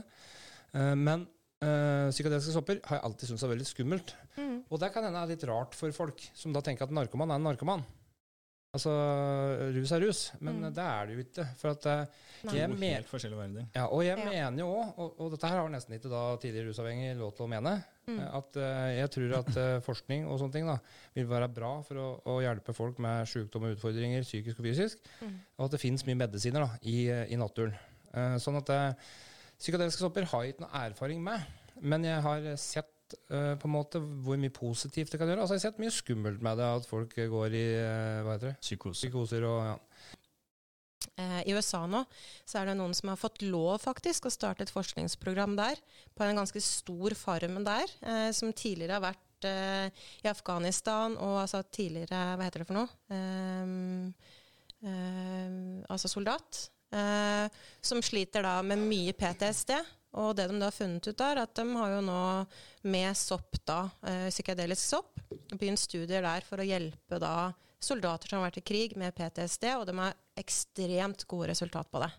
Eh, så for meg så er det veldig viktig å skille mellom bruk og misbruk, og hva ja, ja. på en måte man bruker til de forskjellige tinga. Um, det er mye god medisin som Moderur har, men det er jo helt ut ifra hvordan det brukes. Og det må jeg bare også si mens jeg sitter her, at uh, vi er uh, ikke noen tilhengere eller forkjempere for uh, eh, verken legalisering eller det ene eller andre. Ikke for eller imot, nei, eller? vi er verken for eller imot. Vi, er, vi prater på våre tanker om ting. Ja. Mm. Så får andre folk gjøre seg opp en mening med om hva de føler at de skal gjøre. Og, um, for, jeg, for, jeg, er jo generelt da, imot rus. altså at, og det gjelder alkohol òg. Mm. Ja. vær forsiktig med de pilene du får av legen din. Mm. Det er nesten det verste, som 15 år med nåla i armen. Så, sitter, så, så, kan jeg faktisk sitte her og si det at det verste, det verste reisa jeg har hatt i mitt liv, er når, eh, når jeg har tatt tabletter og eh, tabletter og ting som, eh, som jeg har vært avhengig av der. Da. Det er den mm. verste tingen å komme ut av, faktisk. Eh, for meg så er jo alkohol noe av det verste som vi har, og dette har vi snakka litt om før. Men sånn er loven nå. Den kommer sikkert til å endre seg etter hvert, både i forhold til legalisering av marihuana og cannabis og alt mulig, tror jeg, om noen år. Eh, her i Norge som resten, men Norge er jo litt etter. Eh, men det er også mange som blir veldig eh, kanskje aggressive og ampre og sinte og blir veldig redd når det har med sånn prat å gjøre òg. Kanskje de har dårlig erfaring, kanskje de har noen i familien som er narkoman. Så det er viktig at vi skiller mellom ting, og at vi også på en måte da bare er åpne, som vi snakka om. Eh, vi trenger å skaffe oss mer kunnskap om ting, men veldig ofte som mennesker så blir vi redde, og vi kan bort få et sånn hatforhold til ting som vi ikke forstår, eller som vi er redd. Mm. Uh, så det er viktig å bare puste med magen og tenke at uh, som vi sa, i hvert fall i USA, da, så er det i hvert fall gått med på en del forskningsprogram både med DMT på drypp og med sopp. Psykadelisk sopp. Hva het det der som vi prata på sist her? Ja, Det du tar i jungelen, holdt jeg på å si. Ja, der, ayahuasca. ayahuasca. Det er også DMT. DMT, ja. Okay. ja. Plant, plant, men ja. For, for det er en ting som jeg er nysgjerrig på, det må jeg mm. si. Uh, men som jeg syns er skummelt pga. at jeg er tidligere rusavhengig. Eller at jeg er rusavhengig, da, men som ikke ruser meg lenger.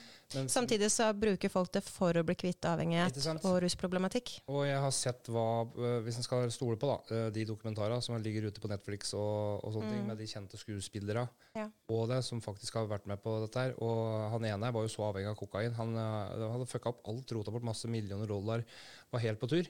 En runde med sånn, og ikke mm. rørt til sida. Mm. Og han bare sitter og så, så, Snakk om å føle seg spirituell, og snakk om å på en ja. måte ha, ha, opplevd ting og, og, og ha støtt her og påstått det ene og det andre med spirituelle folk, og så går det liksom ei uke, og så er det bare sånn at så bare landa i mm. alt. Og så der, Du føler deg som en hykler, sant? for at det, ja. du, du, du, du, virker omvendt, og du blander religion inn i det, og det blir sånn derre Du sitter på en måte med den indre banditten, eller hva heter det? Inner, sabotøren. Ja, sabotøren. sabotøren. Og så bare sånn her Skal jeg sitte her og si at jeg har blitt spirituell og åndelig uh, og har brukt en slags rusmiddel for å bli kvitt en annen Altså Han sa det var, det var helt fjernt, hele opplegget, sånn. Mm. Men, men, som han sa, unga mine takker, takker meg, familien ja. min takker meg. Alle andre er så fornøyde at jeg klarer ikke noe annet enn å bare dele det som har skjedd. sånn. Og da, da blir jeg jo nysgjerrig. Og Derfor er det greit at Hilde skriver at rus er rus. Og det, det, altså, som vi sier, alle har rett til sine oppfatninger her. Og jeg bare er helt ærlig på det, sånn som Døsbjørn sier, at han har også prøvd mye forskjellig. Så, og jeg, jeg, bare sier at Men jeg er enig med Hilde. Rus er rus. Rus er rus, ja. rus. Er, og misbruk er misbruk. Og, ja, misbruk er misbruk. Men, Helt enig. Men, men, eh, men hva er uh, rus? Er det når du trenger legehjelp og får morfin på sjukehuset? Det er jo, det er jo det er jo, det er jo heroin fra Wish. Astrid, skri, Astrid, skriver at det er skummelt at dere legger fram at dette kan hjelpe. Eh, Astrid, jeg snakker bare om forskning. Eh, det jeg mener at det er forskningsprosjekt i USA der det er folk som har eh, vært i krig, eh, som viser seg da at de har startet opp denne farmen i USA eh, mm. med å undersøke i forhold til sopp kan hjelpe i forhold til PTSD, og det har da forskning funnet ut av der. Så jeg drar bare fram forskningsgreier. Eh, så det er ikke noe jeg sier at, det er, eh, at jeg anbefaler noen ting som helst. Jeg bare sier at det er forskjellige forskningsprosjekt rundt det her med psykedeliske i forhold til da å putte i seg kanskje andre ting. Nervemedisiner. Eh, alle andre typer veldig sterke medikamenter som folk får skrevet ut av legen hver eneste dag. Mm. Ja, for det er jo da spørsmålet om skal den bli medisinert på ting som vil skade den personen ekstremt mye, og mest sannsynlig ikke klare å komme seg noe videre, f.eks. fra PTSD eller veldig, veldig, veldig sterke opplevelser i krig. Eller ha kanskje én sopptur der også klarer han å flippe livet til å faktisk kunne leve et mer normalt liv etterpå. Og da er spørsmålet hva, hva er best? Ja. Da, ja. Tenker bare å være åpen, for det er så mye vi ikke vet. Og, og derfor det er det med, med, så mye ting som foregår nå. Altså det, det er mye vi ikke vet jeg vil, fall, ja, jeg vil, i hvert fall eh, personlig ikke anbefale noen å prøve noe som helst slags fornøyelse. Nei, jeg anbefaler ikke noen noen ting her heller. Jeg bare deler av egne erfaringer og hva som i forhold til forskningsprosjekt. Så egentlig det. Ja, ja, ja. ja. Refererer mm. bare til um, andre ting som foregår. Yes. Men da er det viktig å høre alt vi faktisk sier. Ja, for det at å høre helheten, mm. og ikke ta ut noe av kontekstet. Absolutt. Og, og, det er forskning vi begynte å prate på her, og hva, ja. hva forskning kan gjøre med, med f.eks. Eh, som vi prata om på sist, at uh, hvis du ser noen som har parkinson, som sitter og rister og skjelver uh, mm. Hvis uh, han får tre dråper med CBD, CBD, CBD ja. under tunga Uten THC. THC. Så, så, så, har det en veldig god medisinsk effekt. Mm. Er, det, er det å promotere rus? THC nå er jo brukt i forhold til eh, smertelindring i forhold til kreft, og det er jo lov nå i Norge. Så er det også promotering, lurer jeg på da. For det er jo vist seg at det er veldig god smertelindring. Eh, men mange syns jo så klart det er skummelt, og det syns jeg på en måte man skal være skeptisk, og det syns jeg er bra at man er. Eh, men det er også på en måte litt av hva vi på en måte er vant til også i Norge òg. Så er vi vant til at all, all type sterke medikamenter som blir skrevet ut på, um, på resept hver eneste dag, og og det å stikke på Vinmonopolet og kjøpe seg litervis med sprit, det er liksom godkjent og greit. Men det er også rus. Ja. Og kanskje ja. noe av det verste. Du blir skikkelig nummen av visse tabletter man får. Det, jeg fikk nerveskade også, da fikk jeg jo masse tabletter. Det. Og ja, mange som kjører bil, faktisk. Altså, det viser jo seg nå hvor mange godt voksne menn og kvinner som putter i seg nervemedisiner, Sobril, eh, you name it, av veldig sterke det, det, er en rød trekant på av en grunn. Men politiet gikk ut her for en stund siden og sa det. Om vi visste hvor mange som ble stoppa med det i blodet, som er ute og kjører hver eneste dag på si 50 pluss det var på en måte, Og så sa han at der har du også en stor gruppe med narkomaner, men det er på en måte godkjent. Men det snakker man ikke så mye om. Men tror du de som får eh, sterke medisiner, som bruker kanskje i overkant mye medisiner og kjører bil og, og drikker flere liter med, med vin i uka, Tror du dem ser på seg selv som rusmisbrukere? Nei, men jeg Men er de det? Men det er jo, nei, men altså, ja, jo, jo. Det er også altså, spørsmålet. Det, det, jeg sier ikke noe rusbrukere. Rusbrukere, yes. Uh, og det, og det, men uh, liksom det, det, du får av legen, det er, det er lovlig, da, og det er liksom innafor. Og jeg tror mange bruker det som en unnskyldning for å, for å kunne bruke det. Vi får jo automatisk mye motstand av bare veien på temaet. Men, jeg vet. Ja, så, Absolutt. Men, men, jeg, men, jeg, er glad for at Kristian skriver, jeg synes det er fint. skriver sånn her, for det er viktig Absolutt. Og så er det viktig at vi lufter ting. Vi tar opp alle temaer, så det er ikke noen her som sitter og proklamerer eller anbefaler noen ting som helst. Det er det veldig viktig, som jeg sa i stad. Hvis du blir trigga, hør på hele podkasten. Det har vi vært gjennom før. Jeg jobber for å bruke yes. erfaringa mi mot eller forebyggende med rus og ungdom. Og, Absolutt. Og det er bare å gå inn og se på podkasten min, ja. det siste podkasten som jeg la ut der, uh, hvor vi og det, de fremste forskere sier at det, med ungdommen så må vi være åpne. For at det, ja. de kan gå inn og så google de hva jeg sitter her og sier, og så skjønner de at jeg sitter bare og prater piss allikevel. Ja. Og du må være litt mer på nett da, med å prate det språket som ungdommen gjør. Og, og, hvis du vil sende meg sønnen din på 16, som ikke har lov til å drikke alkohol før han blir 18, så gjør du noe ulovlig. Mm. Det er ikke sagt å bli satt i fengsel, men skjer det noe med kiden din, da, som er 16, for at du sendte meg en tre øl ut, så er det du som på en måte får passet for de tre øla. Ikke for den halvliteren med hjemmebrent som han drakk på festen, men hvis ja. det kommer fram at du har sendt meg han da, så er det du som får skylda for det. Er det da riktig at du skal få skylda for det, eller prøvde du å gjøre en god ting ut av en dårlig greie for at du prøver å kommunisere med barnet ditt? Skal du da gjøre noe, så må du i hvert fall holde aldersgrenser og følge norsk lov til punkt og prikke. Noe som jeg Absolutt. mener alle bør gjøre. da. Ja, jeg er helt enig. Men, men det skjer jo ikke. Altså, det skjer jo til stadighet at folk sender med unga sine alkohol, og det er jo ja. rus, det òg. Eller at de kjører bil eh, selv om de har tatt medikamenter med stor rød trekant på. En liten vidvalg for før kjøre unga i barnehagen. Ja. Etter det, ikke ikke sant? Så, men jeg ja, tenker at men, jeg, vi kan gå videre. Ja. Men så, som en igjen, åpenhet, åpenhet, åpenhet. Ingenting her er Altså, jeg dømmer ingen. Det er veldig viktig for meg.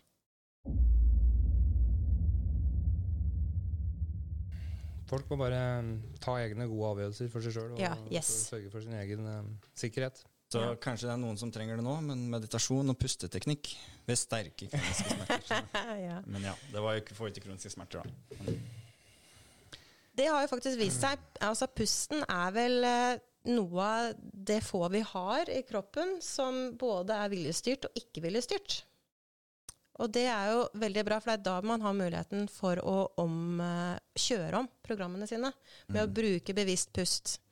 Det som skjer når du puster inn, det er jo det at du faktisk Man tenker jo når man puster inn, så tenker man at det går oppover. Men det som egentlig skjer, er at det meg ditt går jo ned, og du åpner opp hjertet mer. Som gjør at du øker jo egentlig blodtrykket ditt og blodgjennomstrømningen til hjertet. Når du puster ut, så senker det seg. Så du har en sånn Og hvis du da f.eks. puster veldig lett overflatisk, da, enten med nese eller Det som skjer da, er at du øker jo, du skaper masse aktivitet. Mm. Eh, og da puster du på en måte her oppe. I forhold til da smerter Det som skjer hvis du puster veldig overfladisk, er at eh, eh, blodårene vil på en måte krympe seg og gjøre seg veldig små og, og stoppe blodgjennomstrømningen, og du vil få mer smerte. Det er jo på en måte sånn det er. Ved å puste på en måte bevisst, og f.eks. puste inn og puste lengre ut, så vil du eh, Vil det i seg selv være smertelindrende.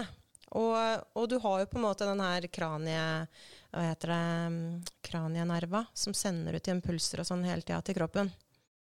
Og da har det jo faktisk vist seg heter den, Hva heter den for noe? Angus eller noe? Angusnerven? Jeg tror det heter noe sånt noe. Mm. Men i hvert fall, det har vist seg at når du mediterer, så blir den aktivisert. Og det viser seg at jo mer aktivisert den nerva er, jo mindre smerteimpulser sendes ut i kroppen. Mm. Så med å på en måte meditere eller puste bevisst, så vil du etter en stund ha en god smertelindring.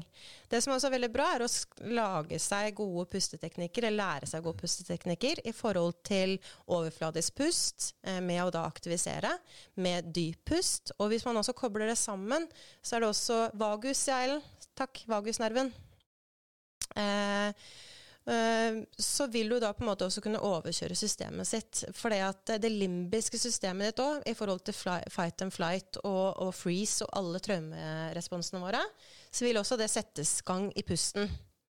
Eh, hvis man da er klar over hvordan man omkjører programmet, så vil man kunne forstå det at hvis da man er i en situasjon der man blir trigga, eller da blodårene begynner å krympe seg sammen Og det viser seg også at hvis du kutter deg, f.eks.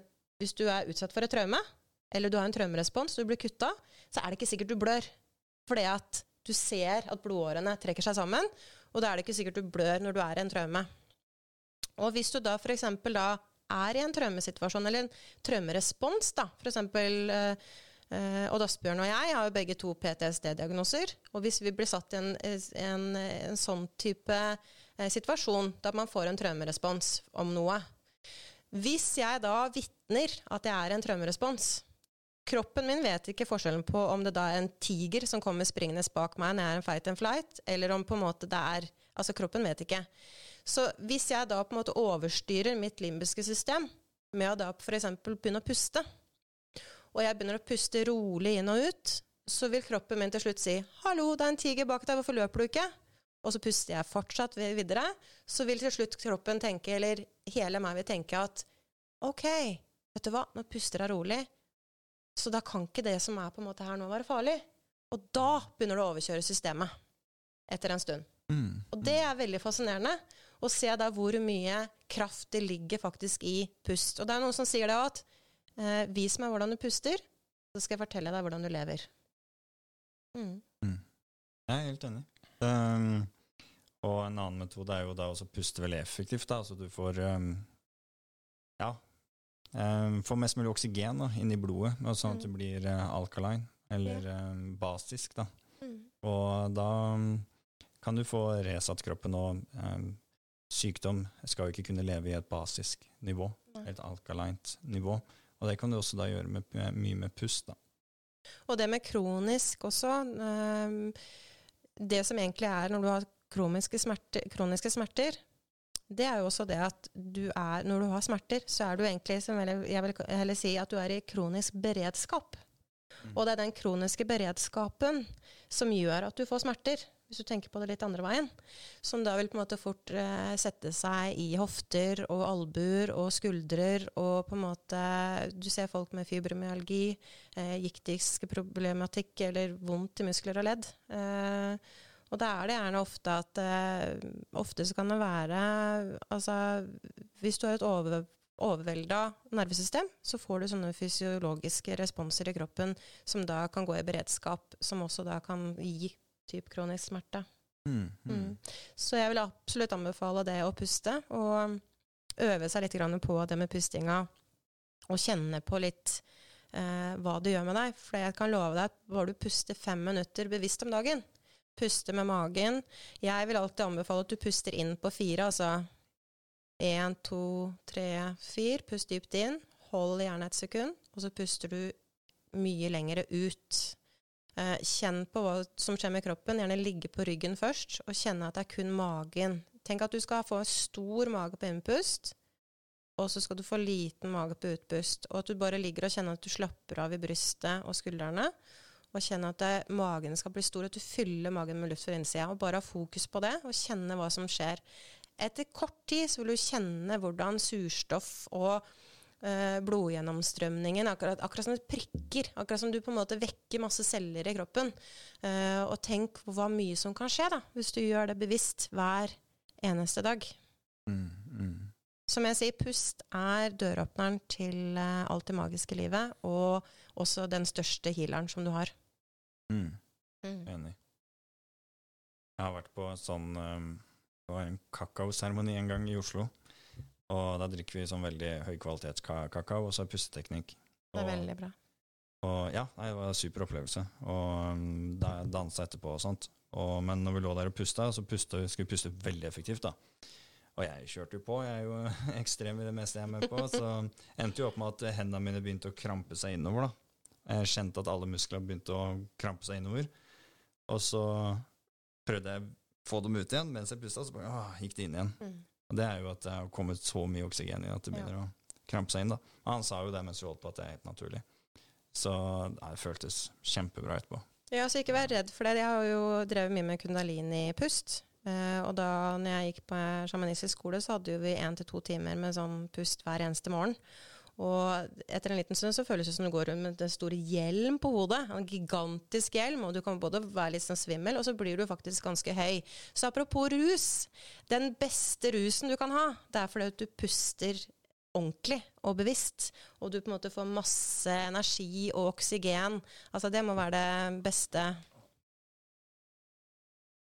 Skal vi se om det falt ut Facebook-gruppa her. Skal vi se om vi får kobla på igjen. Vi fortsetter bare podkasten, og så ser vi om den dukker opp her nå. Den er der fortsatt, ja. Der, ja. Så jeg tror vi har besvart kanskje den greit. Um, Ta det i sammenheng med kald dusj også. Ja. Det er morgenrutinen min. Um, så trene også kald dusj med pusterutine. Det er 30 pust, 30. utpust. Eh, så det er effektive pust. 30. utpust, og bare går jeg helt ned til nullpunktet. Eh, og så bare slapper jeg av så mye som mulig. Og um, da uh, føler jeg at sinnet mitt ekspanderer, og jeg kan visualisere igjen drømmen. Ja. Uh, så hvis jeg tar tre runder med pust, så visualiserer jeg først uh, hvor jeg ser meg om ett år, f.eks. Og så ser jeg meg selv om fem til ti år, og så ser jeg meg selv i det ultimate med det jeg har lyst til å ha. og så føler jeg de følelsene, da. Og når du da skal puste inn igjen, så presser du luften opp mot øvre del rygg, hodet, og så holder du det så lenge det går. Det er ikke så veldig lenge da. Og så slipper du den, og da er du ferdig med den, eh, puste, den pusterutinen, da, sånn her for Wim Hof.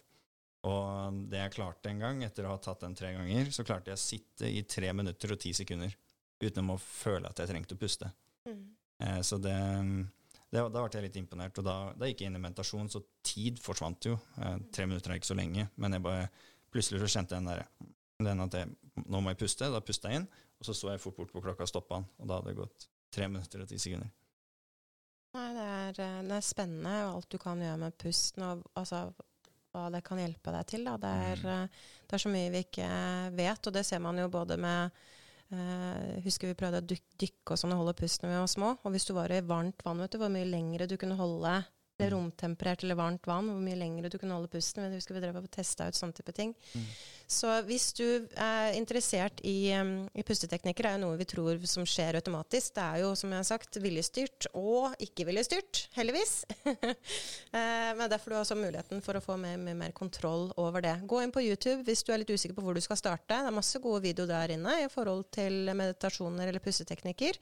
Eh, og hvis du da trenger f.eks. litt hjelp, så er det også guida, både på engelsk og sikkert på andre språk der inne på YouTube. Så da vil jeg bare gått inn og søkt der. Også i forhold til frekvens, um, musikk og pust. Så det er masse ting som man kan, som man kan gjøre. Ja. Mm, mm. Yes. Neste spørsmål. Ja. Da er det på hvorfor noen blir psykopater og onde, mens andre har mer empati. Ja. Det er jo litt hvordan man er bygd opp. Altså, det er jo sånn det er, at noen er jo født med mer empati enn andre. Jeg tenkte litt på det spørsmålet, og det lille jeg vet om, er jo at jeg har skjønt at de som er ordentlige psykopater, de er medfødt. Ja. De er kobla sammen annerledes. Mm.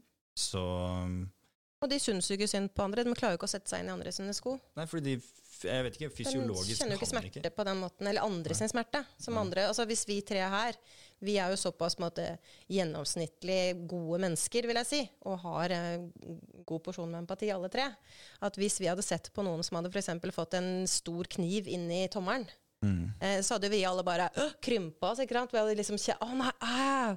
Ikke sant? Vi er jo alle sånn. Eh, eller hvis du ser noen som f.eks. skjærer seg på papir. Det er jeg. Det er bare sånn, Du kjenner det. Og det er fordi at vi har jo den her eh, medfølelsen. medfølelsen. Så vi kan sette oss inn i andre sine følelser. En psykopat, eller som jeg faktisk kaller psykopater, det er meg, da. Jeg kaller det litt for en parasitt. Jeg sammenligner det litt med en parasitt. Fordi en parasitt også er avhengig av et vertskap. for å kunne klare seg, til å kunne vokse. Og der er litt psykopater òg. De er avhengig av på en måte ødelegge noen andre for å bygge opp seg selv. Mm. Eh, og, men så er det masse utgreininger av eh, det med psykopati også. For du har jo de som er form for eh, eh, usosiale og, og veldig egoistiske. Uh, men så har du også de som er meget sosiale, supersjarmerende, og som på en måte vet hvordan de kan få innpass hos mennesker, lærer seg på en måte dem sine svake sider, later som at de bryr seg, og på en måte er veldig kalkulerte.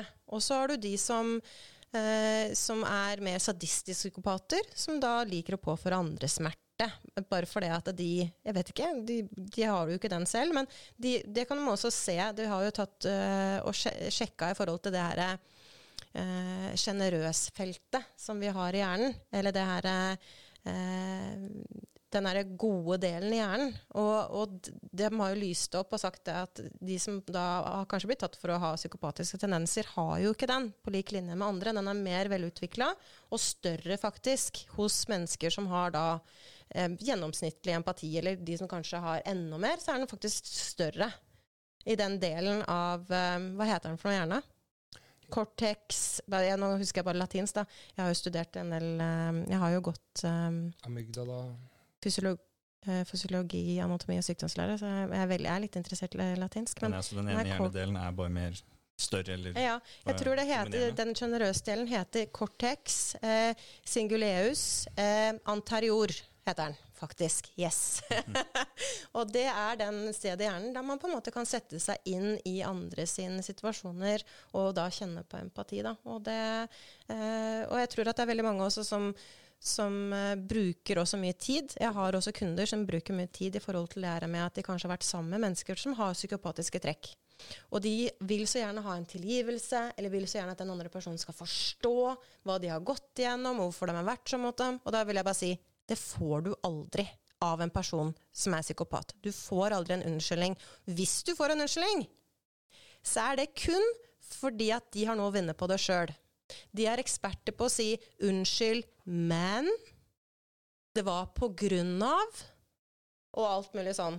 Det er de eksperter på, og det bruker de masse. Sånn at eh, hvis du har vært i en sånn situasjon med noen, så ikke gå rundt og vent på å tro at du skal få en tilgivelse, eller tro at de skal høre på en måte din sak, eller at du skal få en avforklaring. For det, det tror jeg du aldri får. Det er viktigere at du tilgir deg sjøl i forhold til at du har godtatt såpass mye.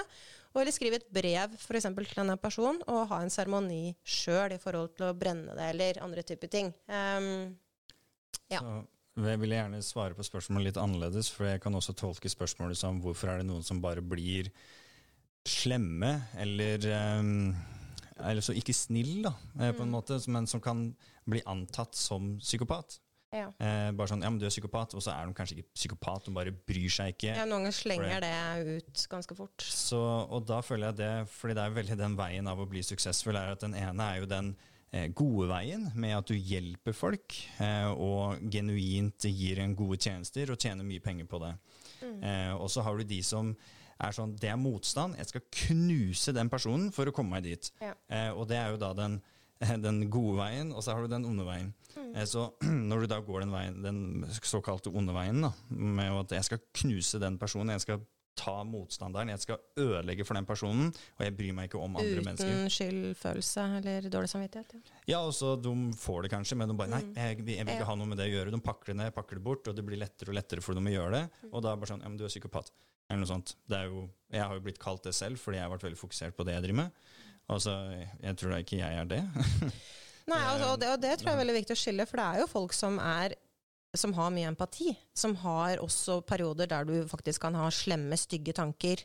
Være slem og stygg med andre mennesker. Det vil ikke si at du er psykopat for det. Det er jo bare Nei. også helt vanlig som menneske å også på en måte ha dårlige tanker. Ja, er det litt sånn psykopaten sin altså Dette har jeg null peiling på, men er det litt sånn psykopatens uh Um, altså, vet ikke om det er med viten og vilje, men er psykopaten uh, altså Psykopaten er jo flink til å få fram det verste i deg, da, vil jeg tro. Ja. At du får de tanka som mm. kanskje også psykopaten har naturlig. Så henter du fram stygge tanker og kanskje ønsker både liv og alt ifra ja, både en og andre. Ønsker en, uh, psykopaten noe vondt, den som har gjort deg vondt over mange år, kanskje. Uh, og så bruker han det mot deg da, når du på en måte bryter ut og tør å på en måte si meninga di, da, kanskje. Ja, og så tror jeg at de føler seg berettiga til å gjøre det. De har ikke den skyldfølelsen eller dårlig samvittighet at hvis de føler for å gjøre noe, så gjør de det. Og hvis du da på en måte at det skader noen, så vil ikke det påvirke dem. De føler seg bare egentlig berettiga til å gjøre det de har lyst til å gjøre sjøl, og har da den egoistiske på en måte tankegangen i det og vil ikke da klare å sette seg altså De klarer jo ikke å sette seg inn i andre sine sko. Derfor vil jo det også være dem sin sannhet. At de kan gjøre som de vil. For de ser jo ikke noe gærent i det, i Dems sin virkelighet. Virkelighetsoppfatninger. Men det ja. finnes jo veldig mye god lektyre på dette her, da. Uh, hvis du søker opp bøker, så er det mange psykologer og psykologspesialister og, ja. og alt mulig rart som har skrevet, og, og, og erfaringskonsulenter og, som har erfart både vært kanskje psykopater, eller er psykopater, altså, som har delt sine tanker om det, og som har fått hjelp mot det, kanskje. Og jeg tror det finnes en del sånne ting om det. da. Ja. Absolutt. Så det går an å lese seg opp på det. Ja. Jeg husker psyko psykologen min sa for mange år siden nå, Jeg går ikke til hunden lenger nå, men hun sa jo det en gang til meg. Så drev vi snakka, så sier hun bare Gjett hvor mange psykopater som sitter i den stolen du sitter i nå. Og jeg bare hm. Elleve med meg, tenkte du da.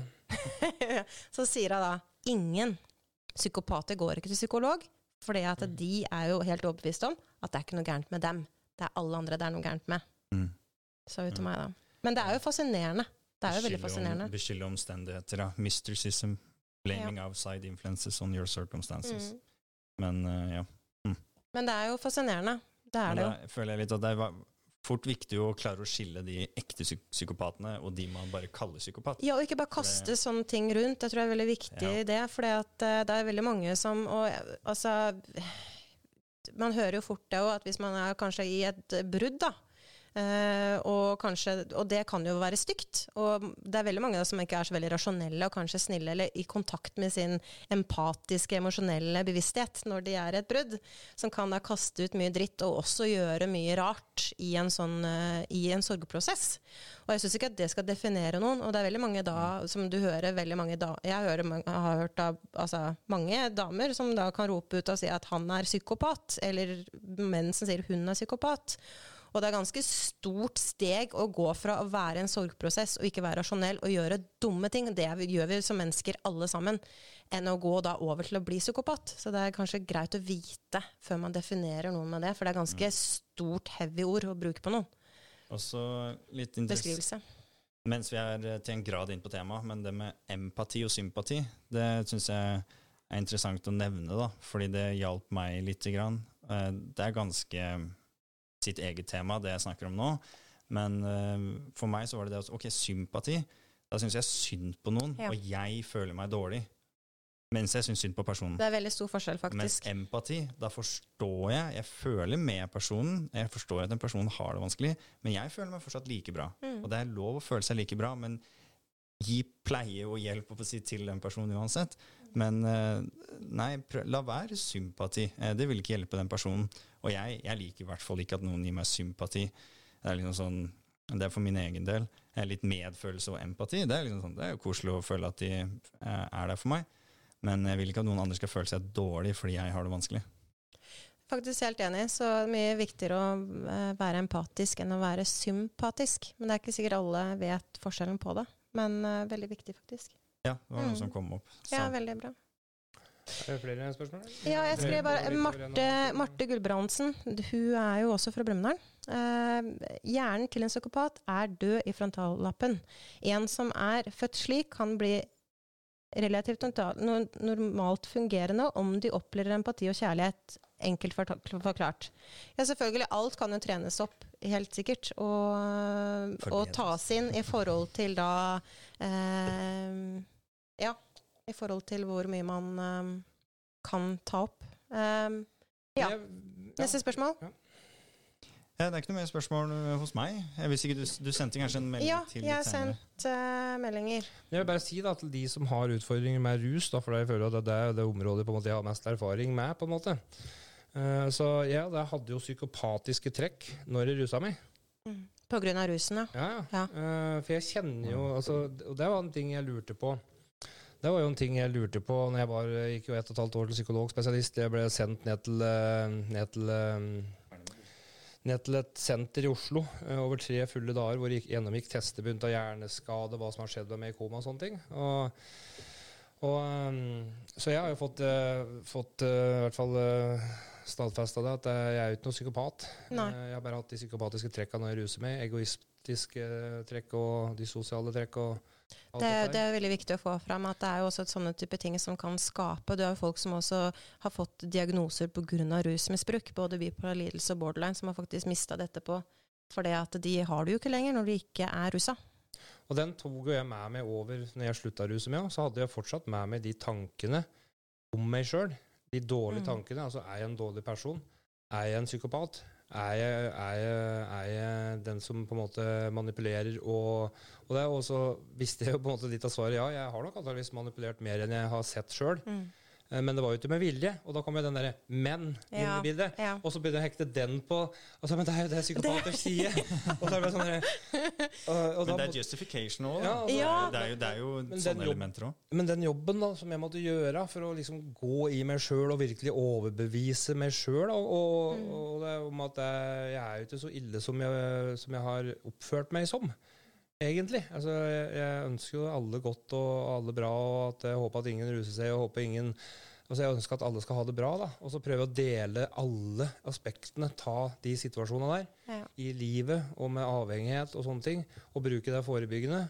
Og det, er, eh, og det er klart, du må jo tråkke og feil noen ganger, og du sier ofte ting som både er gærent sikkert på TikTok. Eh, det var en som skulle rapportere meg nå for at vi satt og prata på rus.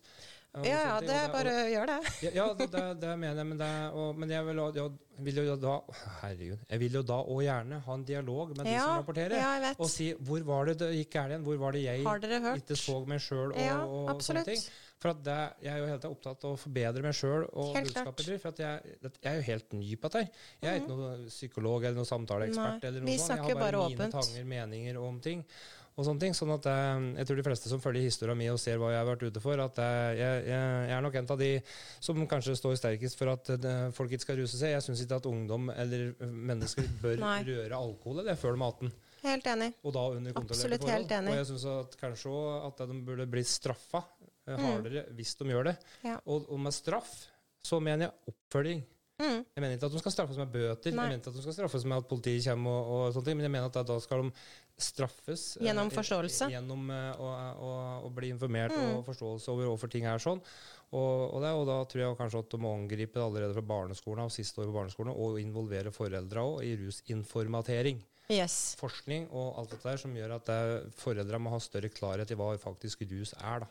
Det er jeg helt enig i, og med den der biten også, så er jeg også veldig standhaftig på det at eh, hvis du klarer å holde deg unna rusmidler før du er på en måte 18-19-20 år Det er så mye ting som skjer i utvikling, hjernefunksjoner og alt mulig, at det er jo på en måte egentlig det aller beste. Og med Men, rusmidler så mener vi da lovlige rusmidler? Lovlige rusmidler og alt, ja, alt, fra A til Å. Du, men det jeg mener, er at hvis vi har situasjoner der ungdommen uansett vil bruke ting, så er det det å komme ut med ordentlig informasjon. Og, og, hvordan man på en måte da Altså det å komme ut med god informasjon og kunnskap rundt ting for å da forhindre eh, at eh, noen dør, faktisk. Mm. Det er kjempeviktig. Du leker med livet ditt. Med ethvert ja, rusmiddel så leker du med livet. Og der mener jeg altså mange som sier at nei, men det er ikke så farlig med, med, cannabis, og det er ikke sånn og sånn. Men jeg mener du leker med livet ditt, for at du, du tar en sjanse. Ja, absolutt. Men jeg vil bare si, altså å avrunde den rusbiten. Jeg føler vi prater mye på rus. Men, eh, men, eh, Anita spør her hvor lang tid kan man bruke på seg selv hvis jeg begynner å jobbe med meg sjøl? Hva kan jeg kreve? Hva kan jeg kreve av min tid? Jeg er helt sikker på om jeg skjønte den formeldinga. Hvor lang tid kan man bruke på seg selv hvis jeg begynner å jobbe med meg sjøl? Hva kan jeg kreve av min tid? Altså, Hvor lang tid kan man bruke på det? Altså, jeg, ja, Så mye tid man skal sette av hver dag, da? kanskje? Jeg vet ikke, kan du uh, Det er jo veldig individuelt. Men, men jeg, jeg, mener jo resten av livet. Ja, hele livet. Hver dag resten av livet. Ja, og så er det jo en ting som jeg syns er uh, veldig viktig, er at du har oppbygningsfase. Det er samme med trening. Du trenger jo en tredjedel av ytelsen for å bevare uh, muskelmasse. da, og det, det, vil jo være mye av det samme, for jeg har jo brukt mange år med mange timer, mange tusenvis av timer med lydfiler og lesing av bøker og lese affirmasjoner og drømmebok og alt mulig. Men i det siste året så har jeg ikke brukt så mye tid, men jeg kjenner når jeg trenger mer påfyll. Og um, i det hele tatt um, Jeg ser på drømmeveggen min sånn i klesskap, og jeg går over livsdesignmappa mi, som er det coachingprogrammet jeg har lagd. Eh, og jeg, la, jeg oppdaterer livsdesignmappa mi annenhver måned eller noe sånt. Jeg legger til statistikker og grafer og nye bilder og nye karaktertrekk og sånt, men det er ikke den type volum lenger. Um, jeg har lyst til å ha litt mer av det, kjenner jeg. Begynner jeg å kjenne nå. Men uh, absolutt viktigst, sett deg så mye du kan til å starte med. Men igjen, da. Uh, sett deg sånn at du vinner, og at du får den oppbygningsfasen. Så sett inn standard til å ja, skrive noen positive ting. Uh, hva som kommer til å være bra i løpet av dagen til å starte med. Og så er det å bygge på etter hvert. For det er det samme som trening. Du kan ikke bare starte å trene fire dager i uka. Veldig få mennesker som klarer det. Ja. Jeg gikk fra å kjøre motocross, jeg kjørte motocross i elleve år. Eh, og så når jeg var 16, så gikk jeg over til styrketrening, eh, kroppsbygning. Men da hadde jeg den sporten eh, som jeg bare konverterte over til å gå på treningssenter. Så for meg så var det greit. Så jeg har trent kontinuerlig siden jeg var 16. Jeg har ikke hatt noen pause. Jeg har jo hatt vanlige pauser fordi jeg på en måte må ha pauser. Men for andre folk som kanskje ikke har andre ting, så må de starte å bygge opp um, sine um, ja, rett og slett rutiner da, i dagen. Mm. Ja, så det er ganske individuelt. Og jeg tenker at hvis du står litt fast og ikke vet helt hva du skal, eller hvor du skal begynne, så se om du finner deg en god coach, sånn som Eirik, eller vi var inne på Ragnhild Sæther her i stad, som er her fra Brumunddal. Eller så har du også Eva Schatner, som du så her inne, ta kontakt med noen dyktige folk som du kan spille litt ball med. Hvis det kan også hjelpe deg. Eller meg. det jeg kan nevne, da, er at jeg har jo brukt eh, siden 2017 eh, å lage et coachingprogram, nettbasert coachingprogram, fordi jeg har ikke lyst til å sitte og bable flere timer eh, hver dag til forskjellige mennesker om akkurat de samme tingene. Det kjenner jeg at som personlig trener òg, så snakker jeg om de samme øvelsene og samme teknikkene og sånt. Jeg blir litt lei av det sjøl. Så som, hvis du velger meg som coach, så får du også et coachingprogram der du kan sitte og se på videoene selv når det passer deg. Du får arbeidsoppgaver som du kan drive med som passer deg og din tid. Og så har jeg oppfølgingstimer for å eh, se over at du forstår uh, hvordan ting brukes, og hvis det er noe du lurer på. da.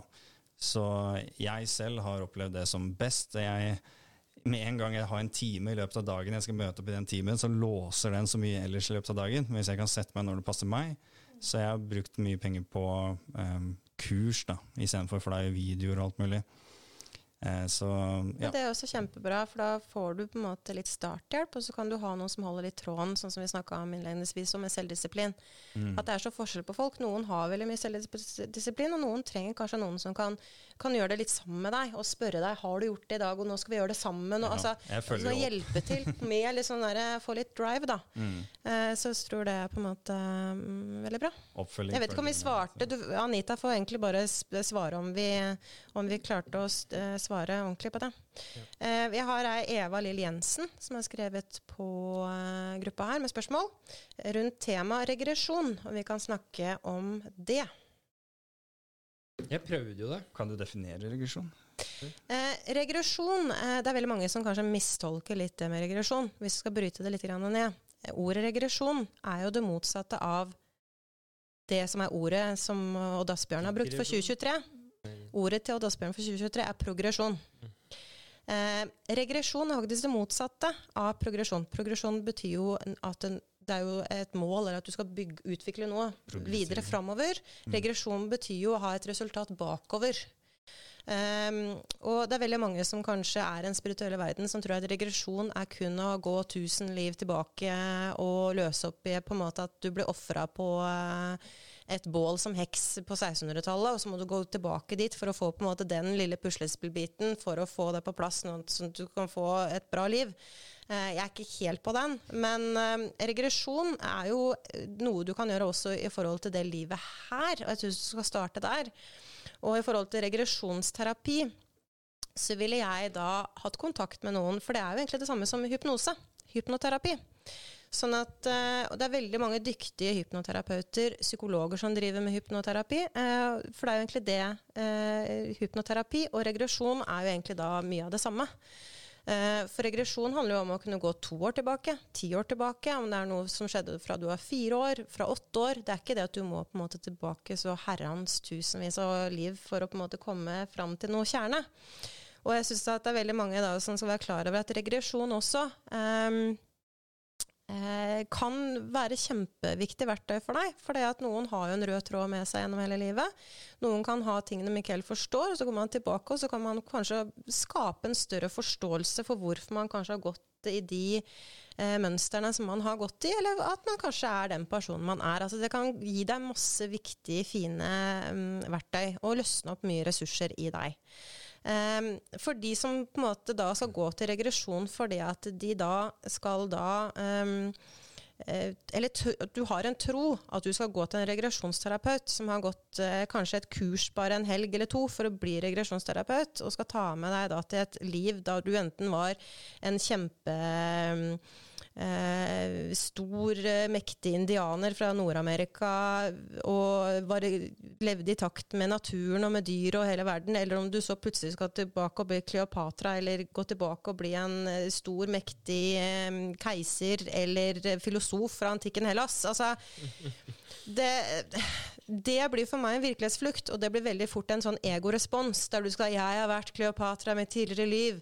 Altså Hvis du mm. tenker på at du har levd alle roller og levd mange liv tilbake, så er det veldig litt sannsynlighet for at du skal plutselig bare dukke opp i et sånt liv der du lever et magisk liv som alt på en måte bare flyter.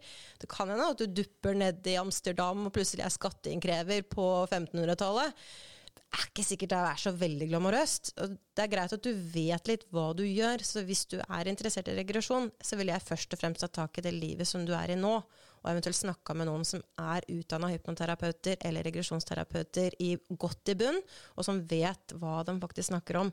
Eh, for det at ellers blir det som sagt en sånn virkelighetsflukt, der du skal på en måte da begynne å ha fokus på et liv du har levd på en måte da eh, mange, mange, mange, mange liv tilbake, istedenfor å faktisk ta tak i det som du trenger her og nå. Det er, det er min uh, ja. ja. Nei, men det fikk meg til å tenke på en spesifikk um, um, oppgave som jeg har uh, gjort selv.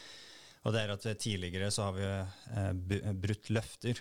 Og det skaper um, eh, mønster i, i, igjen i hjernen, og igjen vil gjøre at du bryter løftet med deg selv, fordi underbevisst så veit du at du brøt et løfte ti år tilbake. Du veit ikke om det er ti år, og du veit ikke akkurat der og da, men du spør deg selv hva, er, hva slags løfte var det jeg har brutt langt tilbake? Og jeg gikk selv da bakover, og så fant jeg et stort løfte jeg ga eh, som veldig liten, og jeg husker jeg var helt sånn Jeg skal få til det.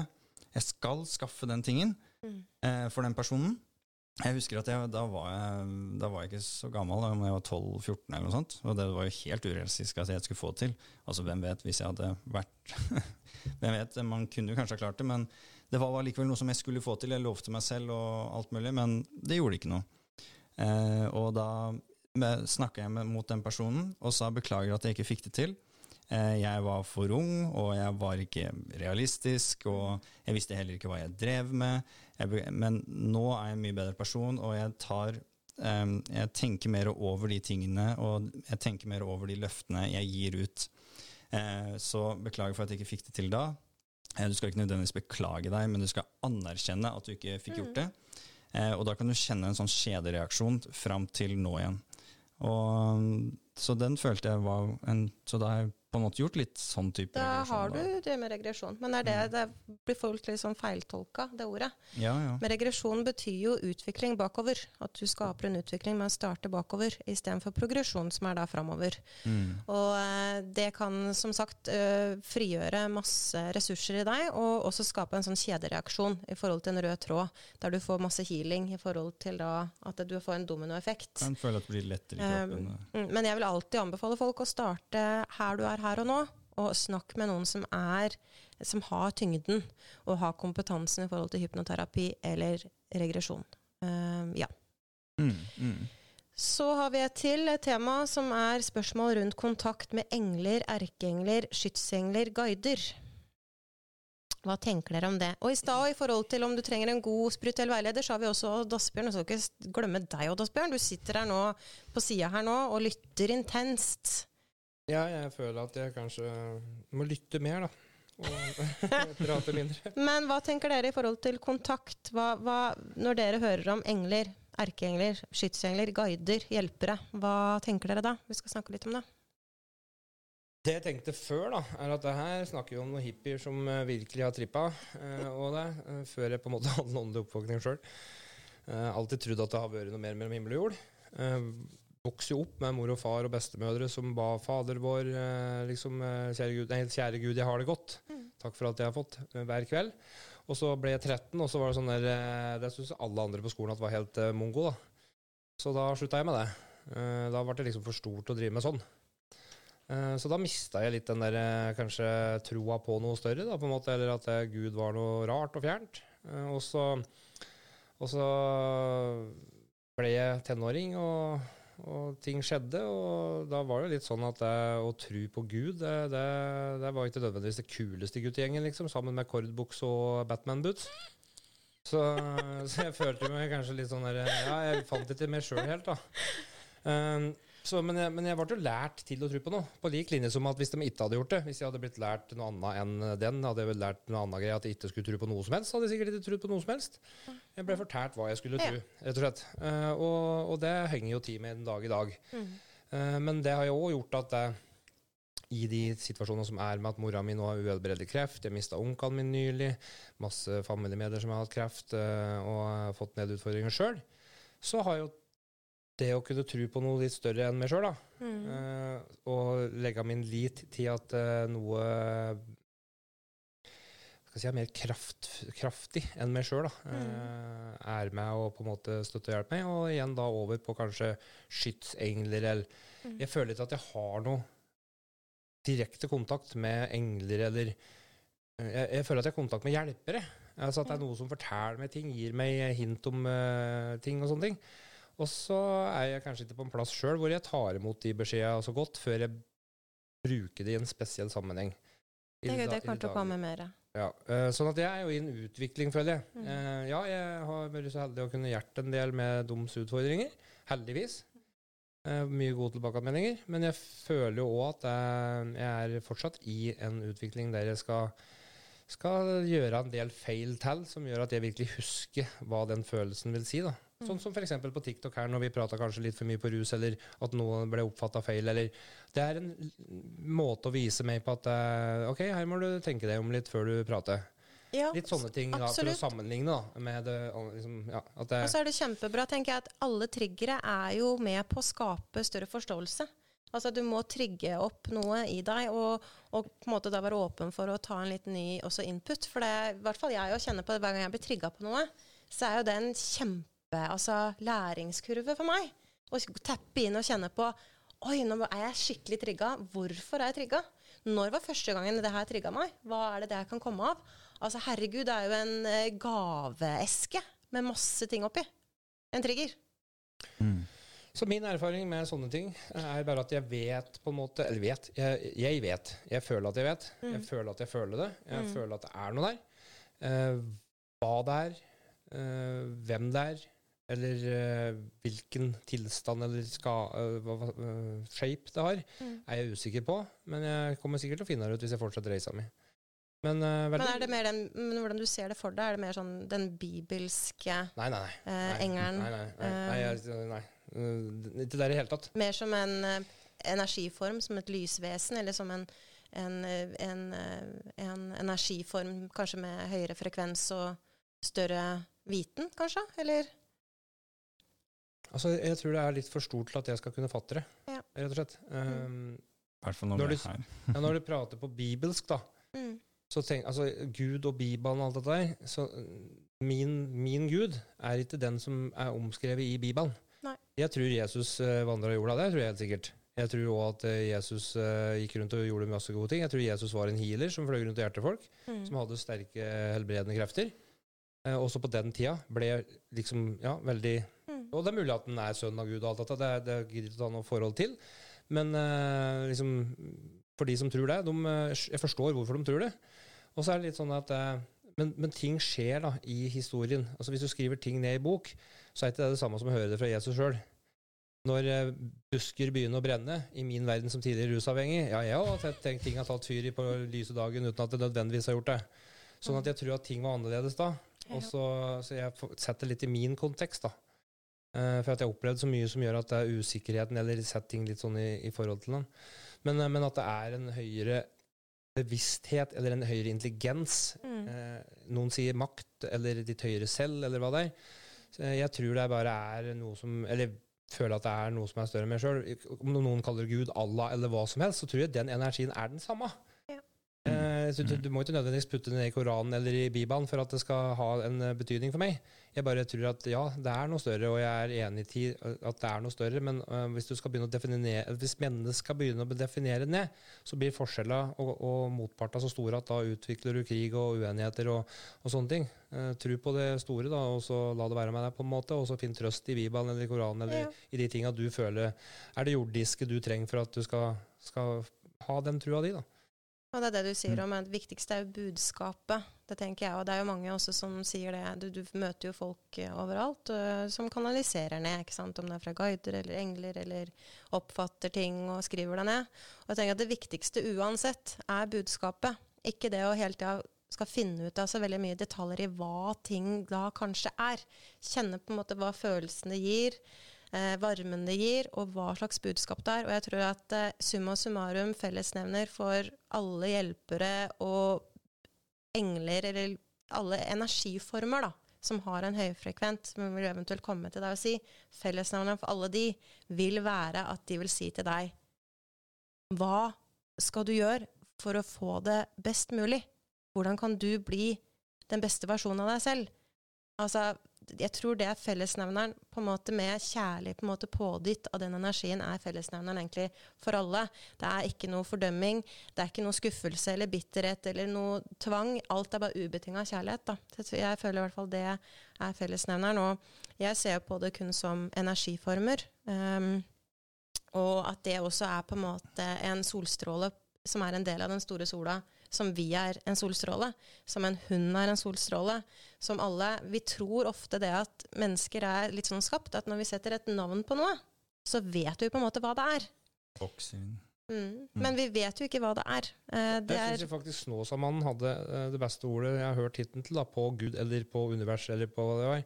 Og Snåsamannen var jo veldig eh, troende, mm. kristen, eller ja. Ja, gikk mye i kjerka og ble tatt inn av biskopen og sånne ting. Mm. Og jeg syns at hele den greia der den er kjempefin. Og så hører jeg òg mye stygt om Snåsamannen, at han kanskje ikke var så god person mot mennesker rundt seg i nære relasjoner og sånne ting. At du får hele tida de der ja, men, ja, men, ja, men. Ja. Uh, ta nå heller det du føler sjøl, da. Uh, ja. men, men, det han sa da om sånne ting, det var at det, han, uh, han kalte det jo Gud.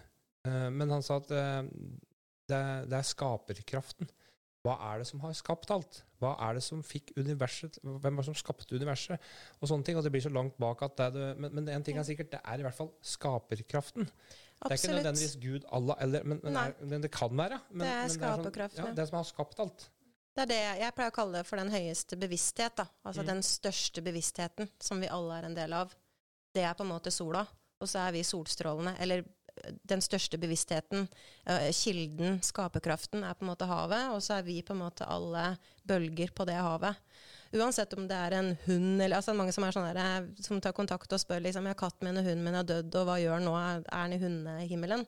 Så er det nei, men hunden din Vi har satt et ord på det, at det er en hund. Men det er jo en energiform. Og når på en måte den hunden dør, så går den tilbake til å være sin energiform i den jobben eller utviklingen som den energiformen har videre. Akkurat som oss mennesker. Vi er jo heller ikke mennesker når vi dør. Det er på en måte det vi er nå her, av kjøtt og blod, i denne energiformen. Og så er det jo sånn som engler og, og hjelpere òg er jo også igjen energiformer. Det er bare at alle, alt spinner i forskjellig frekvens. Altså engler, f.eks. Dette snakker jeg på min erfaring og hvordan jeg opplever det.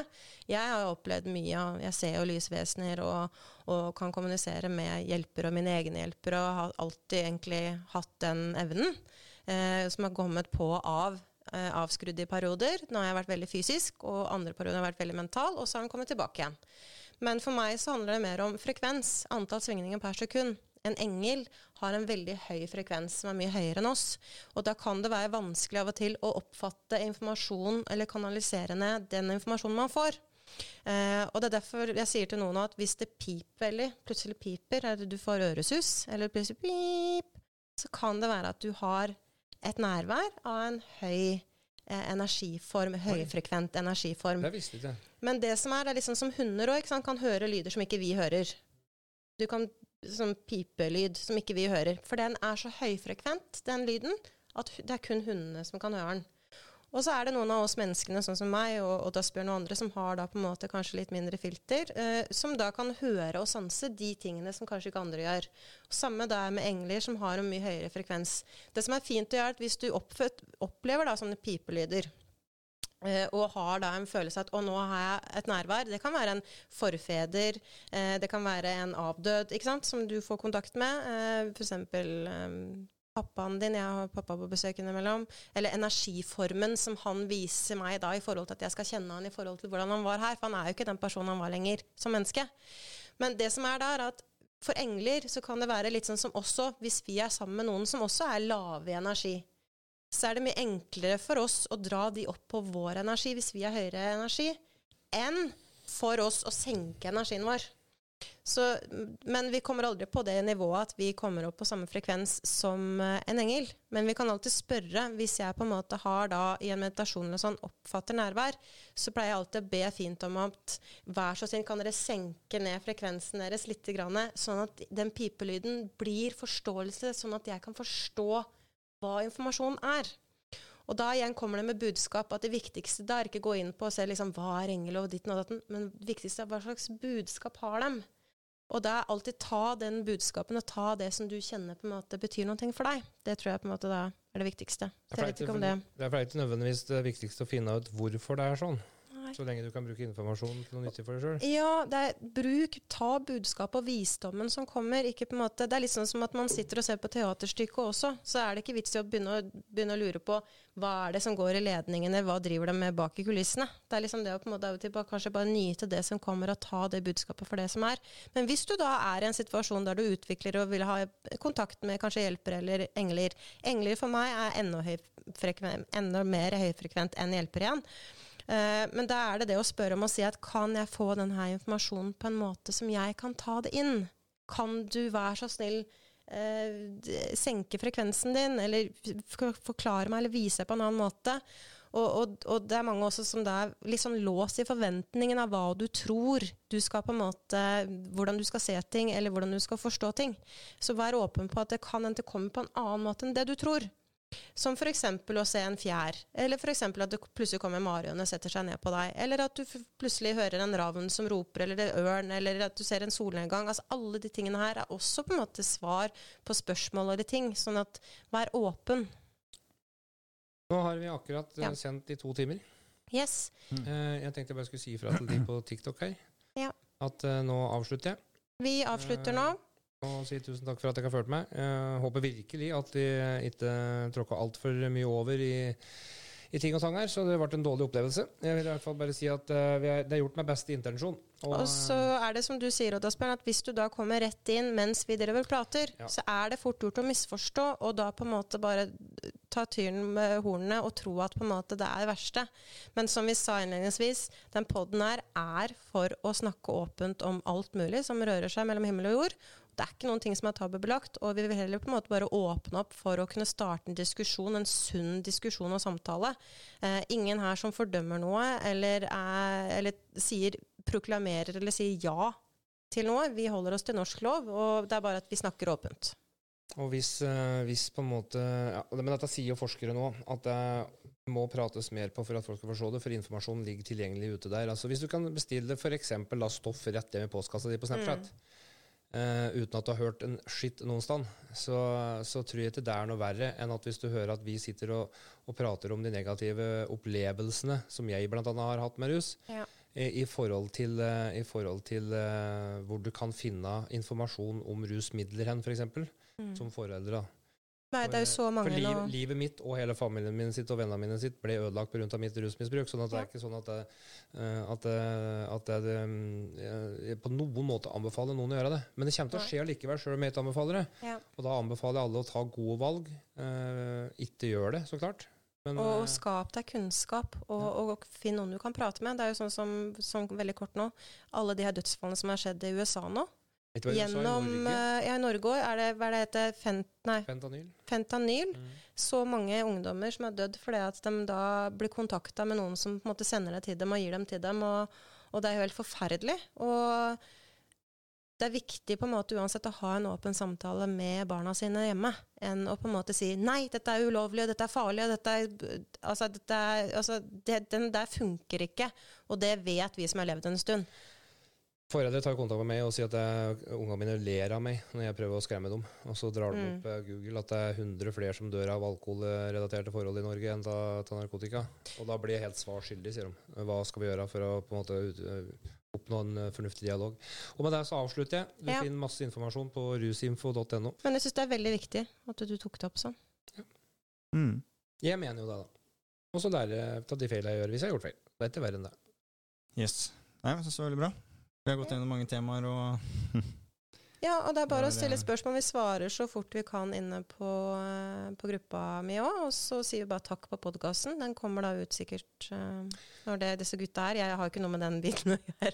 Du driver jo og hyper i gang konkurranse. Kanskje du burde tatt en liten eh, oppfølging ja, på det? Ja, Jeg ville si det at uh, del podkasten når den kommer ut. Så trekker vi etter hvert uh, de som vinner gratis behandlinger med Eirik kolon Trampekint her, og med Odd Asbjørn Pedersen.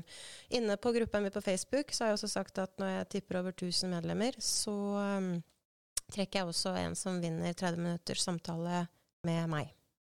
Men trekker vi vinner hver episode?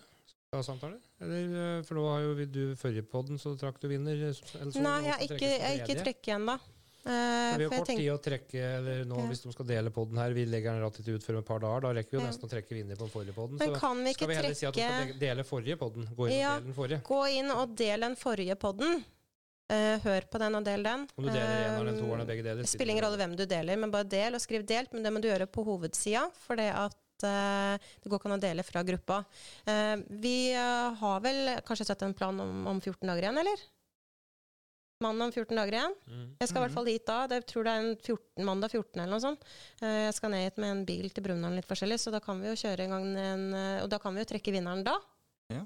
Um, og har du spørsmål som du har lyst til at vi skal ta opp, uansett hva det er, bare skriv inn, og så skal vi prøve å, å besvare det, eller snakke rundt det, og filosofere og argumentere og prate høyt og med åpent sinn uh, så godt vi kan. Og vi blir bedre og bedre dess mer vi gjør dette her. Så mm. tusen takk for tilbakemeldinger på det dere er uenige i. For at vi trenger, vi trenger å høre hva, hva, som ikke er bra, for at vi skal kunne på en måte lage noe som er bra for dere. Helt enig. Og jeg, synes det, jeg tar veldig imot å bli satt på plass innimellom. Jeg syns det er egentlig helt deilig. Tåler det. Vi tåler det. Absolutt. Så takk for oss. Ha en nydelig dag videre, de som var med. Ha det bra. Ha det bra. Adios.